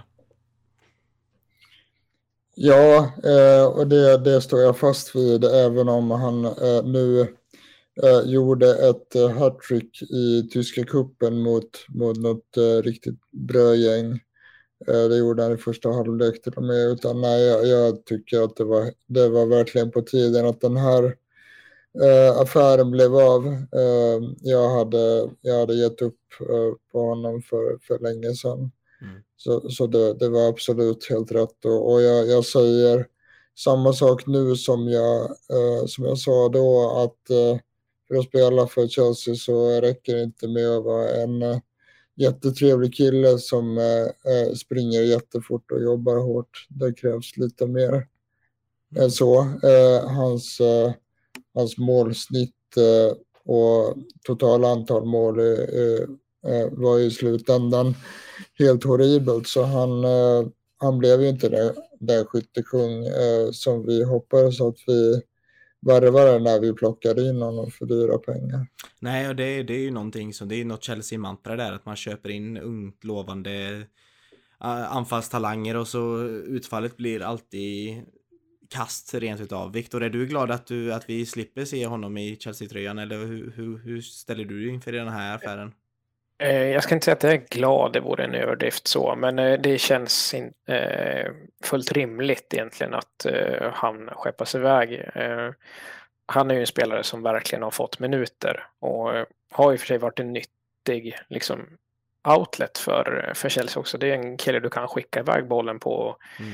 förhoppningsvis åtminstone etablera ett, ett anfall. Men som sagt, som Fredrik säger, alltså, ribban ligger högre än så. Och Sen är det en spelare jag tar till mig som faktiskt sliter arslet ur sig varenda match. Eh, som eh, någonstans så går de löpmetrarna och intensiteten hem också. Eh, men eh, vi betalade 45 miljoner pund. Eh, enligt Sky eh, så får vi tillbaka nu 26 miljoner pund när han säljs tillbaka till, till Leipzig. Så att det är absolut ingen försäljning jag sörjer och det är ja, ganska sunda pengar eh, var, baserat på vart han befinner sig just nu. Ja, han bidrog ändå till en Champions League-titel och det är jag i alla fall för evigt tacksam för. Han var bra den eh, våren där med Tuchel. Men eh, vi går vidare. Jag ska, ska bara säga det också att det, det råder väl eh, lite tveksamheter gällande köpesumman. Det, det finns ju de, eh, de källor också som har sagt att eh, det ligger närmare 20 miljoner pund. Eh, och eh, skulle det stämma så är det ju eh, inte heller en, en bra förlustaffär alls. Nej, precis. Ja. Så är det ja. Vi får se. Vi får tacka Timo för tiden han hade hos oss. Eh, någon annan, alltså vi tappade både... Ska vi ge ett betyg på det? Alltså affären som helhet. Eh, jag tycker det känns ointressant. Vi har pratat tillräckligt, Timo Werner. Vi, jag ger han en eh, sjua. Han får ett helt okej betyg från mig i hans sejour här och affären. Eh, tråkigt att han går tillbaka till Leipzig och inte satsar på något nytt. Det, kan, det är väl enda jag tycker är lite tråkigt. Men vi går vidare till eh, eh, någon annan. Vi hade ju lite mer profilstarka utgångar. Vi hade ju Rodiger, Lukaku och Kristensen Christensen som har lämnat klubben på olika sätt. Både Rodiger och Christensen lämnar ju Ja, på grund av att deras kontrakt löpte ut helt enkelt och att de inte valde att förlänga. Men Lukakos lån där, vi kan ju, det är ju ändå någon elefant eh, i rummet här på något sätt. Det var ju den här starka profilvärvningen vi skulle satsa på. Vi satsade ju allt på rött och köpte in honom. Han skulle bli våran Haaland så att säga. Eh, men det gick ju åt skogen och nu är han på lån i Inter. Eh, ja, vad tycker vi om detta egentligen? Um, ja, jag hade kunnat skriva en hel bok om uh, Lukaku-situationen.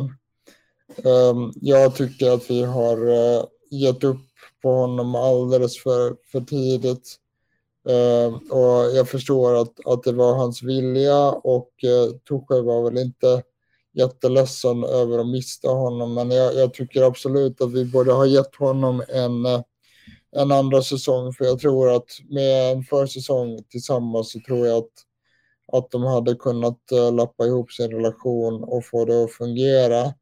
Eh, nu sa ju visserligen Tuchel i en intervju här att, att, eh, att han gärna hade gett eh, Lukaku en andra, en andra säsong, eh, men att det var Lukaku själv som ville, ville återvända då jag köper inte det helt och hållet. För nu, nu har det ju nu har det rapporterats om att eh, Chelsea redan nu är redo att förlänga det lånet.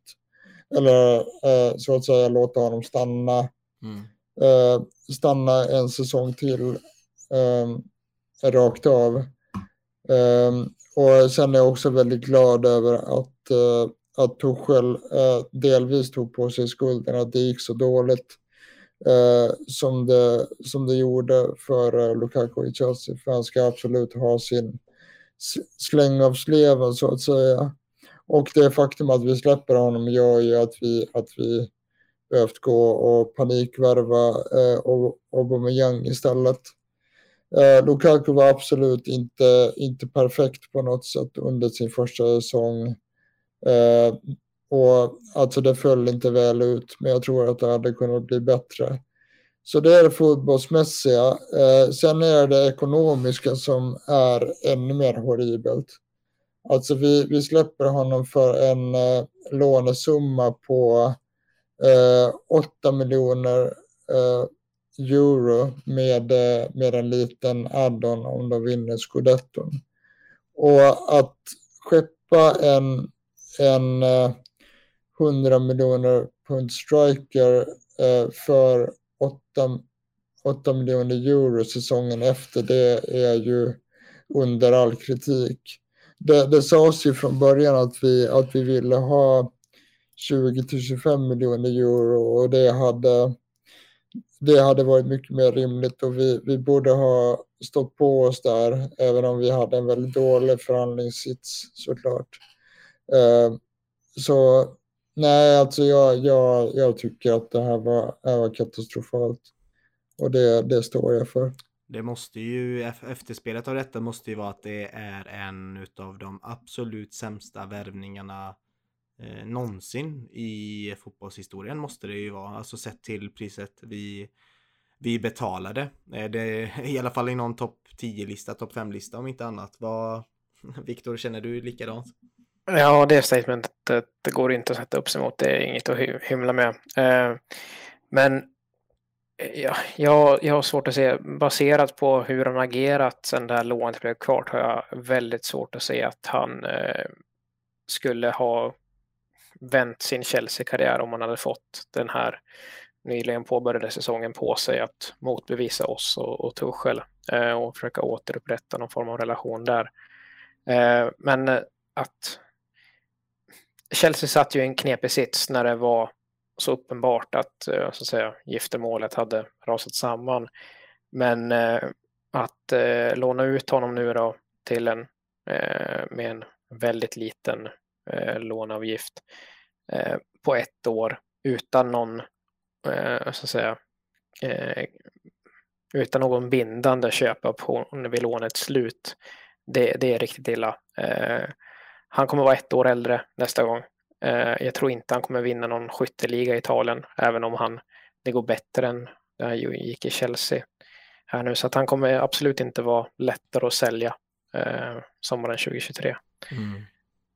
Det ska bli onekligen eh, spännande att läsa Lukakos eh, framtida memoar som eh, kommer förmodligen, eh, det kommer nog vara, förmodligen vara ett kapitel om hela den här situationen. Har jag för mig. För det är nog säkert mycket inte vi vet eh, vad som hände och det var säkert mycket bakom kulisserna som gjorde att den här flytten blev så Ja, att det kom lite från ingenstans. För mycket utav det, det har man ju sett innan i fotbollsvärlden att man kan ju lappa ihop saker ibland. Man behöver inte älska sina spelare man tränar, man behöver inte älska tränare man spelar för heller. Utan man, man, man är professionell. Och jag har alltid upplevt Lukaku som en, en professionell typ. Så det måste ju ha hänt någonting där. Antingen från Tuchels sida eller från Lukakos sida. Eller så var det någonting mer privat som inte vi kanske känner till. Men det, vi får la be David Lagerkrans åka ner till eh, Milano och köra, skriva hans första biografi där. Det hade varit väldigt spännande att höra vad som hände. Men eh, affärsmässigt så är det ju, ja, det är det sämsta jag vet i alla fall. Det är i, i mitt liv. Jag kan inte komma på någonting, komma på någonting som har varit värre.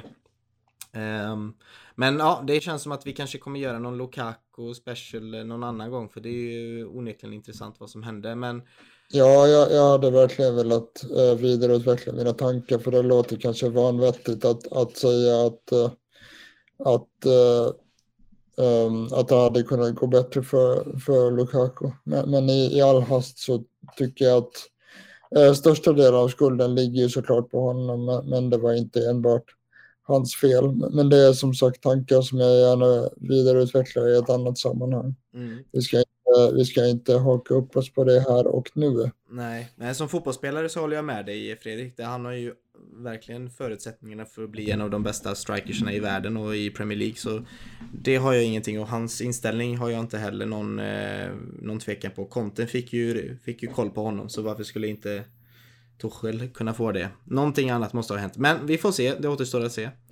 Um, någon annan, alltså, det är ju, alltså jag är bara glad, jag vill bara nämna de här. Danny Drinkwater, Charlie Musunda, Ross Barkley. Det är så jäkla skönt att de bara är, att vi bara släppte dem. Ja, det är väl inget uh, ont blod om, om eh, eh, uh, uh, Musunda. Uh, jag, jag, tycker att det var schysst att vi, att vi lät honom stanna kvar och köra sin rehabilitering med, med sina uh, med, med eh, de förutsättningar som vi har. Det är lite av en, av en solskenshistoria att han ens kommer tillbaka och spelar professionell fotboll igen. Så jag önskar honom all lycka. Däremot så önskar jag inte Danny Drinkwater all, all lycka. Eh, utan han, han, han har ju stulit en, en lön i, i flera års tid. Mm. Eh, vad gäller Ross Barkley så, så tycker jag att det Alltså det är verkligen på tiden att han lämnar nu. Eh, för under flera års tid så har han helt enkelt inte varit eh, tillräckligt bra. Och jag, jag, tycker att värvningen var lite märklig redan när den gjordes därför att även den kom ju alldeles, eh, alldeles för sent, uh, tre eller fyra år eh, för sent. Eh, jag hade gärna sålt Ross Barkley men om det nu inte fanns några intressenter så var, det, var väl det här bästa lösningen. Det råder i alla fall ingen tvekan om att, uh, om att han inte höll måttet och att hans uh, tid i Chelsea nu var ute.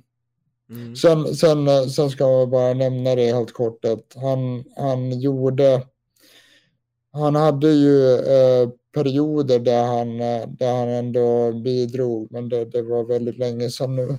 Sen vet vi också att han spelade som eh, Prime Zidane under försäsongen. Men ja, eh, gäller, gäller att eh, leverera när, när, när, när det spelas ligaspel också. Så tack och hej Ross Barkley, jag kommer inte sakna dig. ja, men det märker han, är 28 år och så vitt jag vet, och ni kanske vet något mer, så är han kontraktslös just nu. Han har ingen klubb. Man, man kan ju säga det också att det, nu, är det, nu är det fritt fram för Barkley och eh, Drinkwater att eh, öla på grekiska semesteröar. Ja. Ja, Ja, nej, sagt, det, det är på tiden och helt logiskt att eh, respektive kontrakt nu då eh, inte längre är aktivt. Eh, men det, det är tre väldigt olika situationer och som sagt med Sonda är ju bara tragiskt hur, hur det falnat med, med, dubb, med flera svåra knäskador. Drinkwater har fortsatt lägga gropen för sig själv. Till viss del Barkley, eh, men där har vi ändå haft en lojal truppspelare på slutet som aldrig har gnällt över eh, bristen på speltid och som faktiskt har gett ett försök när han väl har kommit in. mm. Gjorde mål i säsongens sista match mot Watford där och blev matchvinnare med en nick där. Så att, eh, eh, ja, jag har sagt, det, det är fullt logiskt att eh, de inte är kvar i klubben. Och det, det har, finns ju x antal sådana spelare kvar fortfarande som man inte riktigt förstår hur de fortfarande kan vara kontrakterade. Nej, det var ju svårt att bli av med alla och det var ju, det var ju fler där som eh, känner vi oss klara med transfershoot. Vi kan ju bara nämna att just Rodiger och Christensen känns ju redan behandlade. Det var ju klart innan fönstret ens öppnade. Eh, så, eller ja, så det känns väl okej att, vi, att vi lämnar dem va? Mm. Sen, eh, jag vet inte om vi ska passa på nu att eh, det är klart att Marcos Alonso bryter kontakt med Chelsea och han är väl inte presenterad av Barcelona än. Eh, men det är ju dit han är på väg. Eh, Precis. snart han registreras. Mm. Eh, det, alltså, det är också en spelare som man har frustrerats av eh, fler än en gång. Och har väl nästan aldrig haft eh, tempot i kroppen så som man vill se av en Premier League-spelare. Men eh, han har så många gyllene stunder eh, under, under de här sex åren så att det, det är svårt att inte eh, le när man tänker tillbaka på det. Eh, Ja, jag håller Eh. med, jag håller med till 100%. Jag tycker han har gjort en väldigt, han har alltid varit respekterad med och han har alltid skött sig snyggt och proffsigt och jag har bara goda minnen utav Alonso om jag ska vara ärlig. Även fast det har varit, eh, han har haft väldigt många dåliga matcher med. Så eh, jag tycker han har varit en helt okej eh, spelare för oss, om inte tongivande i vissa fall, vissa säsonger. ja, Eh. jag skulle kunna sträcka mig till kult eh, någonstans. Eh, Ja, men Patrik, jag, jag måste motsäga det lite. Där. Han, han har inte skött sig eh, snyggt och proffsigt i alla situationer. Eh, det var ju hela den här eh, bussituationen med, med Lampard eh, var ju under all kritik och han, har- han har käftat mot, mot Tuchel också i, i vissa hänseenden.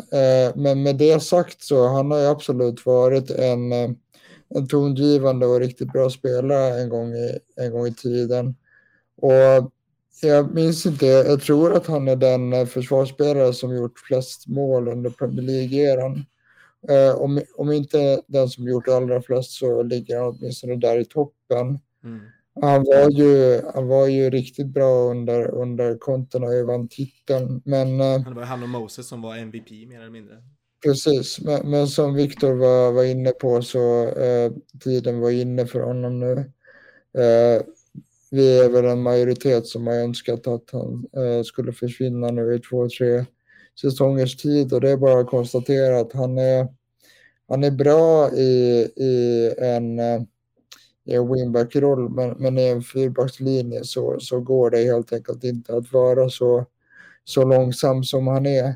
Mm. Eh, och som sagt, precis som i Emersons fall, så nu när vi fick eh, Kukureya så var det en naturlig följd Eh, att, eh, att han lämnar. Jag hade, jag hade önskat honom all lycka till om det inte vore så att han eh, går till FC Barcelona. Ja, nej, det är, det är nog ett skönt eh, ställe att eh, ha sin eh, fotbollspension i alla fall tror jag, om inte annat. Men eh, ja, jag, jag är beredd att hålla med Viktor där, att det är lite kultstatus nästan på honom. Eh, just för de här viktiga målen, viktiga avgöranden. Eh, ja, att vi ibland, vissa utav, vissa av oss fans ville nästan att han skulle spela i anfallet när vi inte hade anfallare. Eh, otrolig häftig karaktär. Även fast jag det här med bussarna, den situationen och så. Jag tror inte heller han fick den respekten som han kanske själv förtjänade. Eh, ibland utav ledningen och sånt där. Han blev ju, han var ju inte all, han, han kände sig aldrig prioriterad av någon, någon tränare eller ledning förutom när, när Conte var i, i klubben. Så nej, jag tycker att han har råd att göra några sådana mänskliga misstag.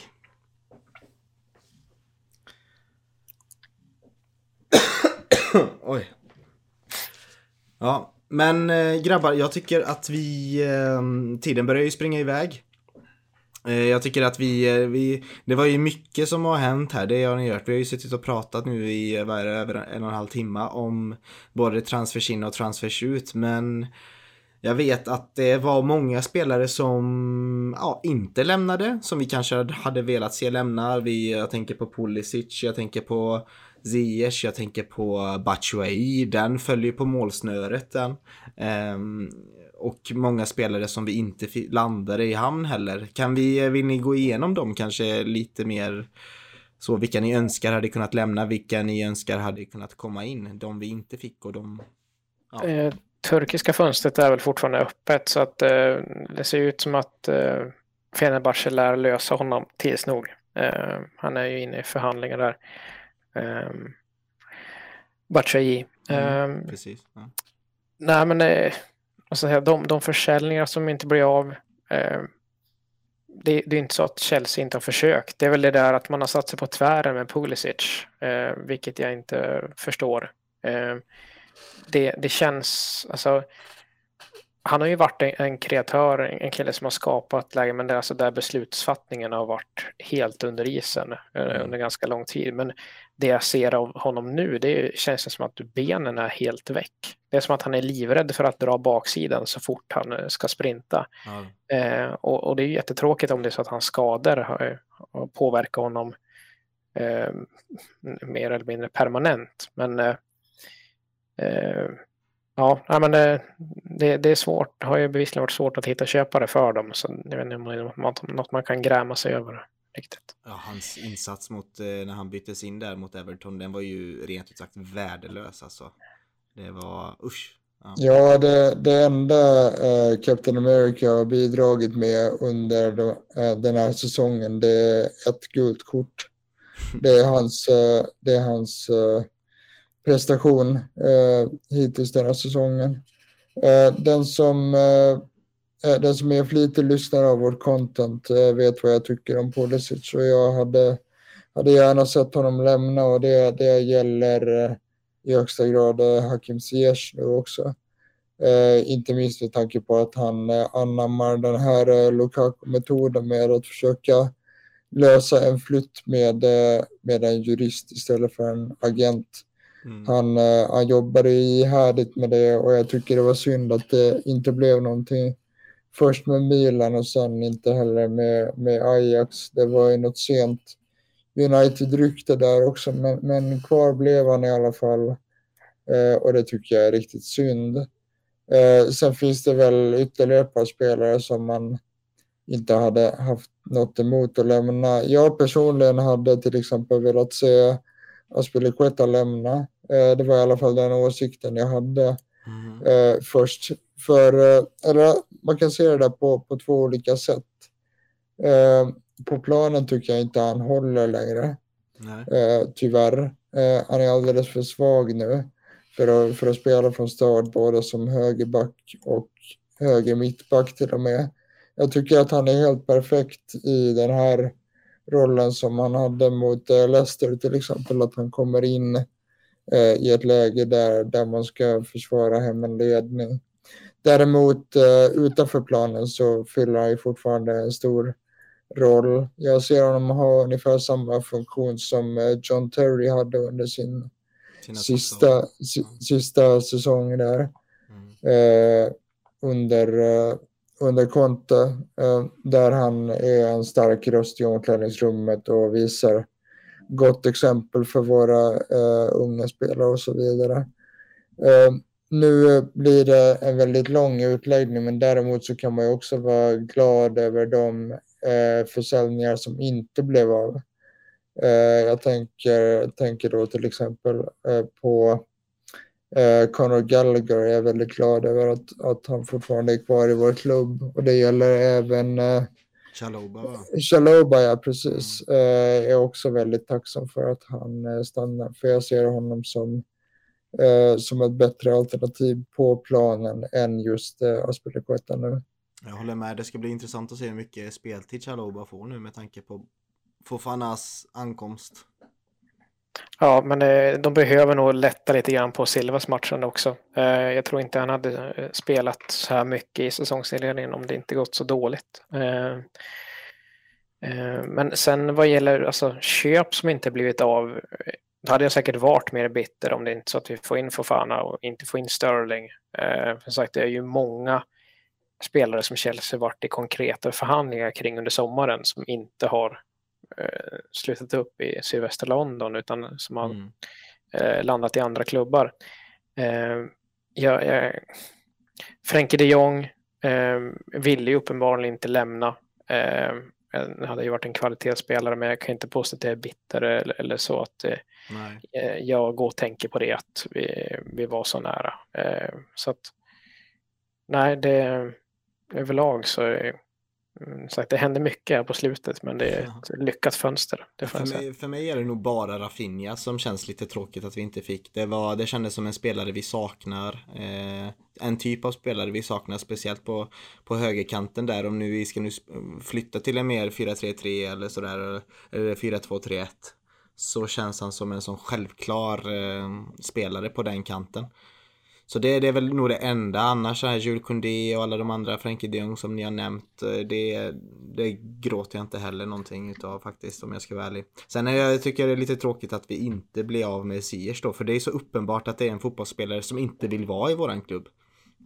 Han visar det både med kroppsspråk och med attityd och eh, även när han har blandat in advokaten som du var inne på Fredrik. Så det känns jättetråkigt faktiskt att han är där. Pulisic eh, Ah, jag vet inte, jag har ju, jag har ju talat gott om Pulisic innan och till hans försvar så har ju varken Mount eller Havertz heller haft en jättestark inledning på säsongen eller usel rättare sagt inledning på säsongen.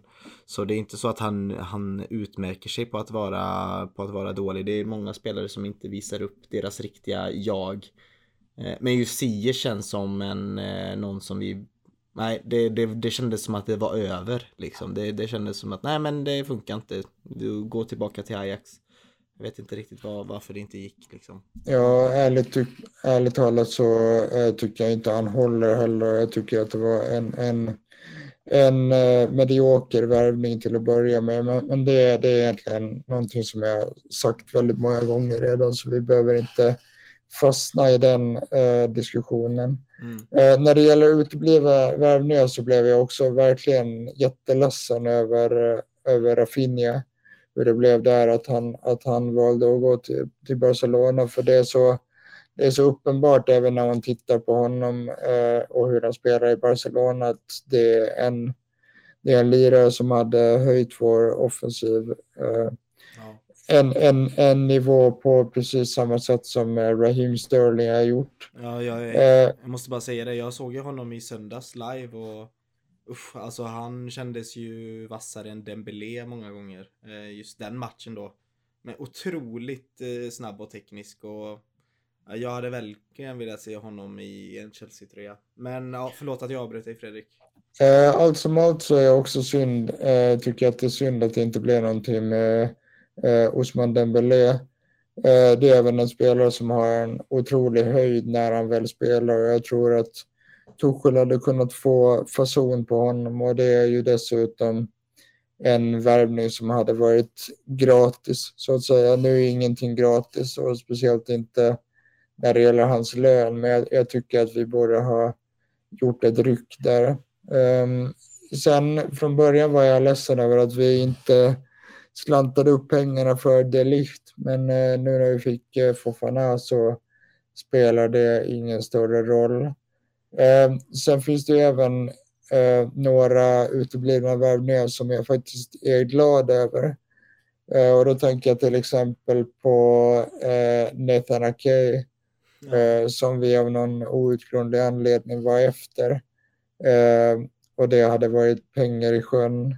Eh, pengar i sjön hade det även varit på, eh, på eh, Anthony Gordon som hade varit eh, århundradets överpris. Och jag, jag förstår, förstår inte varför vi eh, la sådana sjuka summor på honom. Eh, så jag är glad över att Mm. eh, det gick i stöpet. Eh, detsamma gäller eh, Domfries eh, också, som jag inte såg eh, funktionen med. Eh, så allt som allt så föll det väl ut. Eh, man kan ju nämna Memphis Depay i all hast också. Mm. Nu visar det sig att, att det inte var vi som drev det intresset utan det var hans agent. Och jag tycker, alltså på ett sätt så tycker jag att vi hade behövt en offensiv förstärkning till. Men samtidigt så är jag också glad över att, att vi inte lägger pengar på andrahandsalternativ som, som Depay hade varit till exempel och som eh, Wilfried Zaha hade varit. Ivan Tony var jag inte heller jättesugen på utan då är det bättre att, att vänta och lägga pengar på, eh, på till exempel Rafael Leao som det, som det spekuleras kring eh, nästa sommar. Mm. Eh, så, eh, så att det är bättre att sitta lugnt i båten där. Eh, nu hade vi ju inte heller möjligheten att plocka in någon till eftersom eh, Ziyech till exempel oväntat blev, blev kvar. Så att det är som det är med det. Mm. Jag, jag måste säga helt, alltså, allt som allt. Jag sitter och har truppen här framför mig. Då känns ju truppen eh, bra. Förutsatt att alla skulle vara skadefria så känns det ju som en, eh, alltså, en av de bästa trupperna i, i, i England åtminstone. Eh, och det är ju det här om vi kan få bukt på vår skadeproblematik och att vårt mittfält kan hålla sig friskt framförallt. Och då tänker jag på Matteo Kovacic och N'Golo Kanté framförallt då kanske. Eh, så det, det är mycket det som kommer avgöra eh, hur det går för oss denna säsongen. Eh, I alla våra, i kupper och i ligan och så. Men jag måste säga transferfönstret, jag vill nog ett hel, alltså helhetsbetyget för det här och för Bowleys första, vad ska man säga? Hans första introduktion till oss som Chelsea-fans är ju verkligen att det här är en delägare som eh, vill satsa. Eh, och som eh, ja, går all in och verkligen inte ska vara någon Stan Kroenke som man, vissa befarade att han skulle kanske vara. Utan att han har ett genuint intresse för att bygga upp en, någonting helt nytt. Eh, och det har han onekligen visat med eh, det här transferfönstret. Så jag, jag känner i alla fall att vi är på väg åt rätt håll. Eh, och jag litar fortfarande på att Tuchel, eh, att hans beslut vilka spelare det är som skulle lämna och inte och kan komma in till klubben att det är de rätta besluten. Jag får helt enkelt eh, lita på honom där. Ja, men eh, det man måste nämna där det är att nu, nu blir det en, en press på, på Tuchel. Mm, absolut. Eh, absolut, för nu, nu, eh, nu måste han bevisa liksom att han, eh, att han eh, eh, sätter värvningarna och, eh, och att han får ihop eh, både, både laget och spelet. För det, det har ju varit ett eh, försvarsargument för honom väldigt länge att ja, men det är inte hans spelare, han har inte fått tid att bygga truppen. Men nu har ju han, eh, alltså på ett sätt som ingen annan Chelsea-tränare, eh, helt fått sin vilja igenom. Och visst, han har inte fått sina första alternativ, men eh, det är ändå han som har styrt det här transferfönstret eh, helt och fullt. Så att nu, nu finns det ju en press på honom att, att leverera, så det är upp till bevis att han får det här att fungera helt enkelt. Annars så, annars så finns det bara en person att, att peka på, och det, är- det är honom. Mm. Viktor? Eh, ja, eh, eh, jag sett till utmaningen som ägarskapet stod inför eh, och hur nya de är på det här eh, så tycker jag ändå att de har tacklat det på ett väldigt bra sätt. Eh, sagt, det har varit mycket diskussioner fram och tillbaka. Det är oklart nästan vilka av de här namnen som har varit Chelseas reella första val. Eh, om de ens haft några. Det känns som att de har haft en fem, sex namn per position mm. som de kunnat tänka sig. Eh, och sagt, det är en, en väldigt stora pengar som de klivit in med och det visar ju deras ambition med vart de vill föra den här klubben. Mm. Eh, vart de vill att vi ska vara. Eh, så kommer vi att betygsätta hela sommarfönstret så kommer jag landa ganska högt upp tror jag. Mm. Och har, har, har, man, eh, har man själva spenderingen i, i beaktande också så då ska man ju tänka på att de faktiskt var beredda att lägga eh, 80 miljoner euro på, på Frankie de Jong och eh, vad det verkar då eh, 70 miljoner pund för eh, Anthony Gordon. Så det, det om någonting visar väl deras otroliga eh, ambitionsnivå och hade vi, hade vi gjort de värvningarna så tror jag att vår, vår transferspend hade väl legat på runt 400 miljoner pund, vilket är helt sanslöst. Ja, det är, det är pengar. Men jag måste säga också att man, att det diskuteras förlängning utav Mount nu. Det har, det har ju blivit lite mer tangible. Det kommer ju hända vilken, eh, vilken dag som helst, kanske vilken vecka som helst. Det är också någonting som är viktigt att låsa våra våra unga Chelsea-talanger då som Mason Mount och Rich James. Så det känns ju också som att det är någonting Bowley har valt att inte kanske prioritera först och främst, men så fort fönstret stänger så tror jag att det här är nog det enda han kommer prioritera nu. Ja, jag tror att det kommer hända en, en hel del även framöver. Eh, det sägs att, att eh, han och de andra ägarna nu har utvärderat eh, precis varenda avdelning i klubben så att det kommer nog eh, det kommer nog hända en del på personalnivå också. Mm. Och enligt, eh, enligt eh, The Athletic tror jag det var idag så är en uh, director of football inte det enda som kommer tillsättas utan det kommer ske andra saker rent strukturellt. Och precis som du säger Patrik så, så, är, så är ju kontraktsförlängningarna med Mason Mount och uh, Reece James uh, något som också kommer att prioriteras nu och det är såklart superviktigt för, eh, för att fortsätta den här utvecklingen av klubben som, som sker just nu. Mm. Jag tänker det är jättespännande vad som sker med klubben. Jag tänker att vi ska ge ett betyg då för eh, ett 1-10 för det här transferfönstret. Och eh, jag kan väl börja och säga att det här är en... Jag tycker det är en 9 av 10 fönster, i alla fall för de som har kommit in. Jag hade väl bara att se... Det är väl 8,5 kanske 9, 8,5 skulle jag... 8,5 bestämmer jag för mig för eh, generellt då. Eh, det var ju faktiskt bättre spelare än vad jag trodde. Att man lyckades lösa Kolibali, Sterling eh, då framförallt och Fofana. Det är väl de tre som sticker ut för mig personligen. Eh, det tycker jag, det ska ledningen och Tuchel ha applåder för. Um, och sen att man löser Hudson Odoys lån ut säger jag ju också någonting som jag är väldigt glad utav. Just för att jag har väldigt mycket sympati för den, för den fotbollsspelaren. Så allt i allt så vill jag ge hela det här fönstret en 8,5. Viktor, vilket betyg vill du ge? Ja, men eh, har jag klarat mig så här länge utan att ge mig slag med decimaler så får jag vara konsekvent. Nej, men eh, sagt, jag tycker att eh, de har gjort ett eh, bra jobb sett till eh, den gigantiska utmaningen de stod inför och även lite grann i kontexten av vilket kaos det var i våras så eh, säger jag 8 av 10 i alla fall. Mm. Jag håller med om uh, 8 av 10. Um, ehm, de har gjort ett, ett superjobb verkligen med de givna förutsättningarna.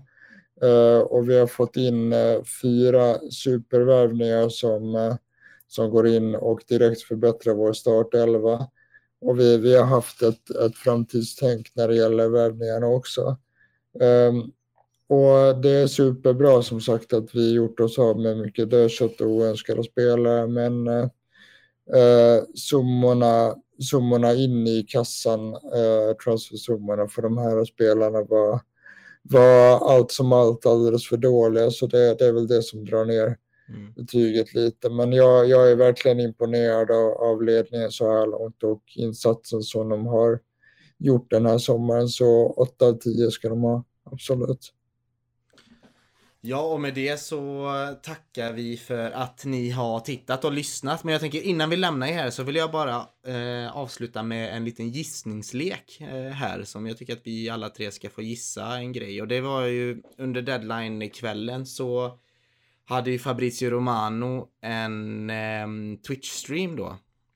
Och under den här Twitch-streamen så sa han oj herregud eh, Chelsea har precis eh, fått ett bud nekat på eh, 50 miljoner euro eller pund då för en spelare men han ville inte berätta vem det var.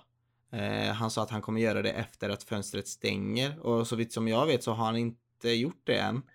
Så då tänker jag att vi ska få gissa vem den här spelaren var och den enda ledtråden han gav var att det inte är en, inte från en Champions League-klubb. Och han sa att ni kommer vara chockade över vem det var och det kan nog bli lite svårt att gissa. Så eh, Ja, och då får ni inte så mycket tänketid här utan eh, Fredrik, du får börja. Det är nästan en, en eh, omöjlig uppgift men spontant så tänker jag på Wilfried Zaha. Mm det låter jätterimligt uh, att det är så här, kanske inte till, till det priset, det var ju väldigt att ta i. Men inte Champions League-klubb, då kastar jag bara ut Lorenzo Pellegrini. Oh, ja okej. Okay. Oh. Och då ska jag gissa, nu har jag ju bara tänkt på att ställa frågan rätt, jag har inte tänkt på att tänka själv. eh, nej men eh, fan det känns ju tråkigt också att välja Saha. Men kan det vara... Rise? Alltså det, det, som, det som talar emot att det, att det skulle vara så här, det, det är ju att det väl inte skulle chocka med tanke på att eh, det, har, eh, det ändå har ryktats om honom. Jag har för mig också att eh, det, det preciserades i det här ledtråden att det kanske har varit någon mittfältare med. Eh, mm. Om jag ska vara så. Vi kan ju gissa igen om vi vill här nu då. Eh, för det glömde jag ju säga. Att det var en mittfältare. Så jag har svårt. Det kanske var Anthony Gordon liksom.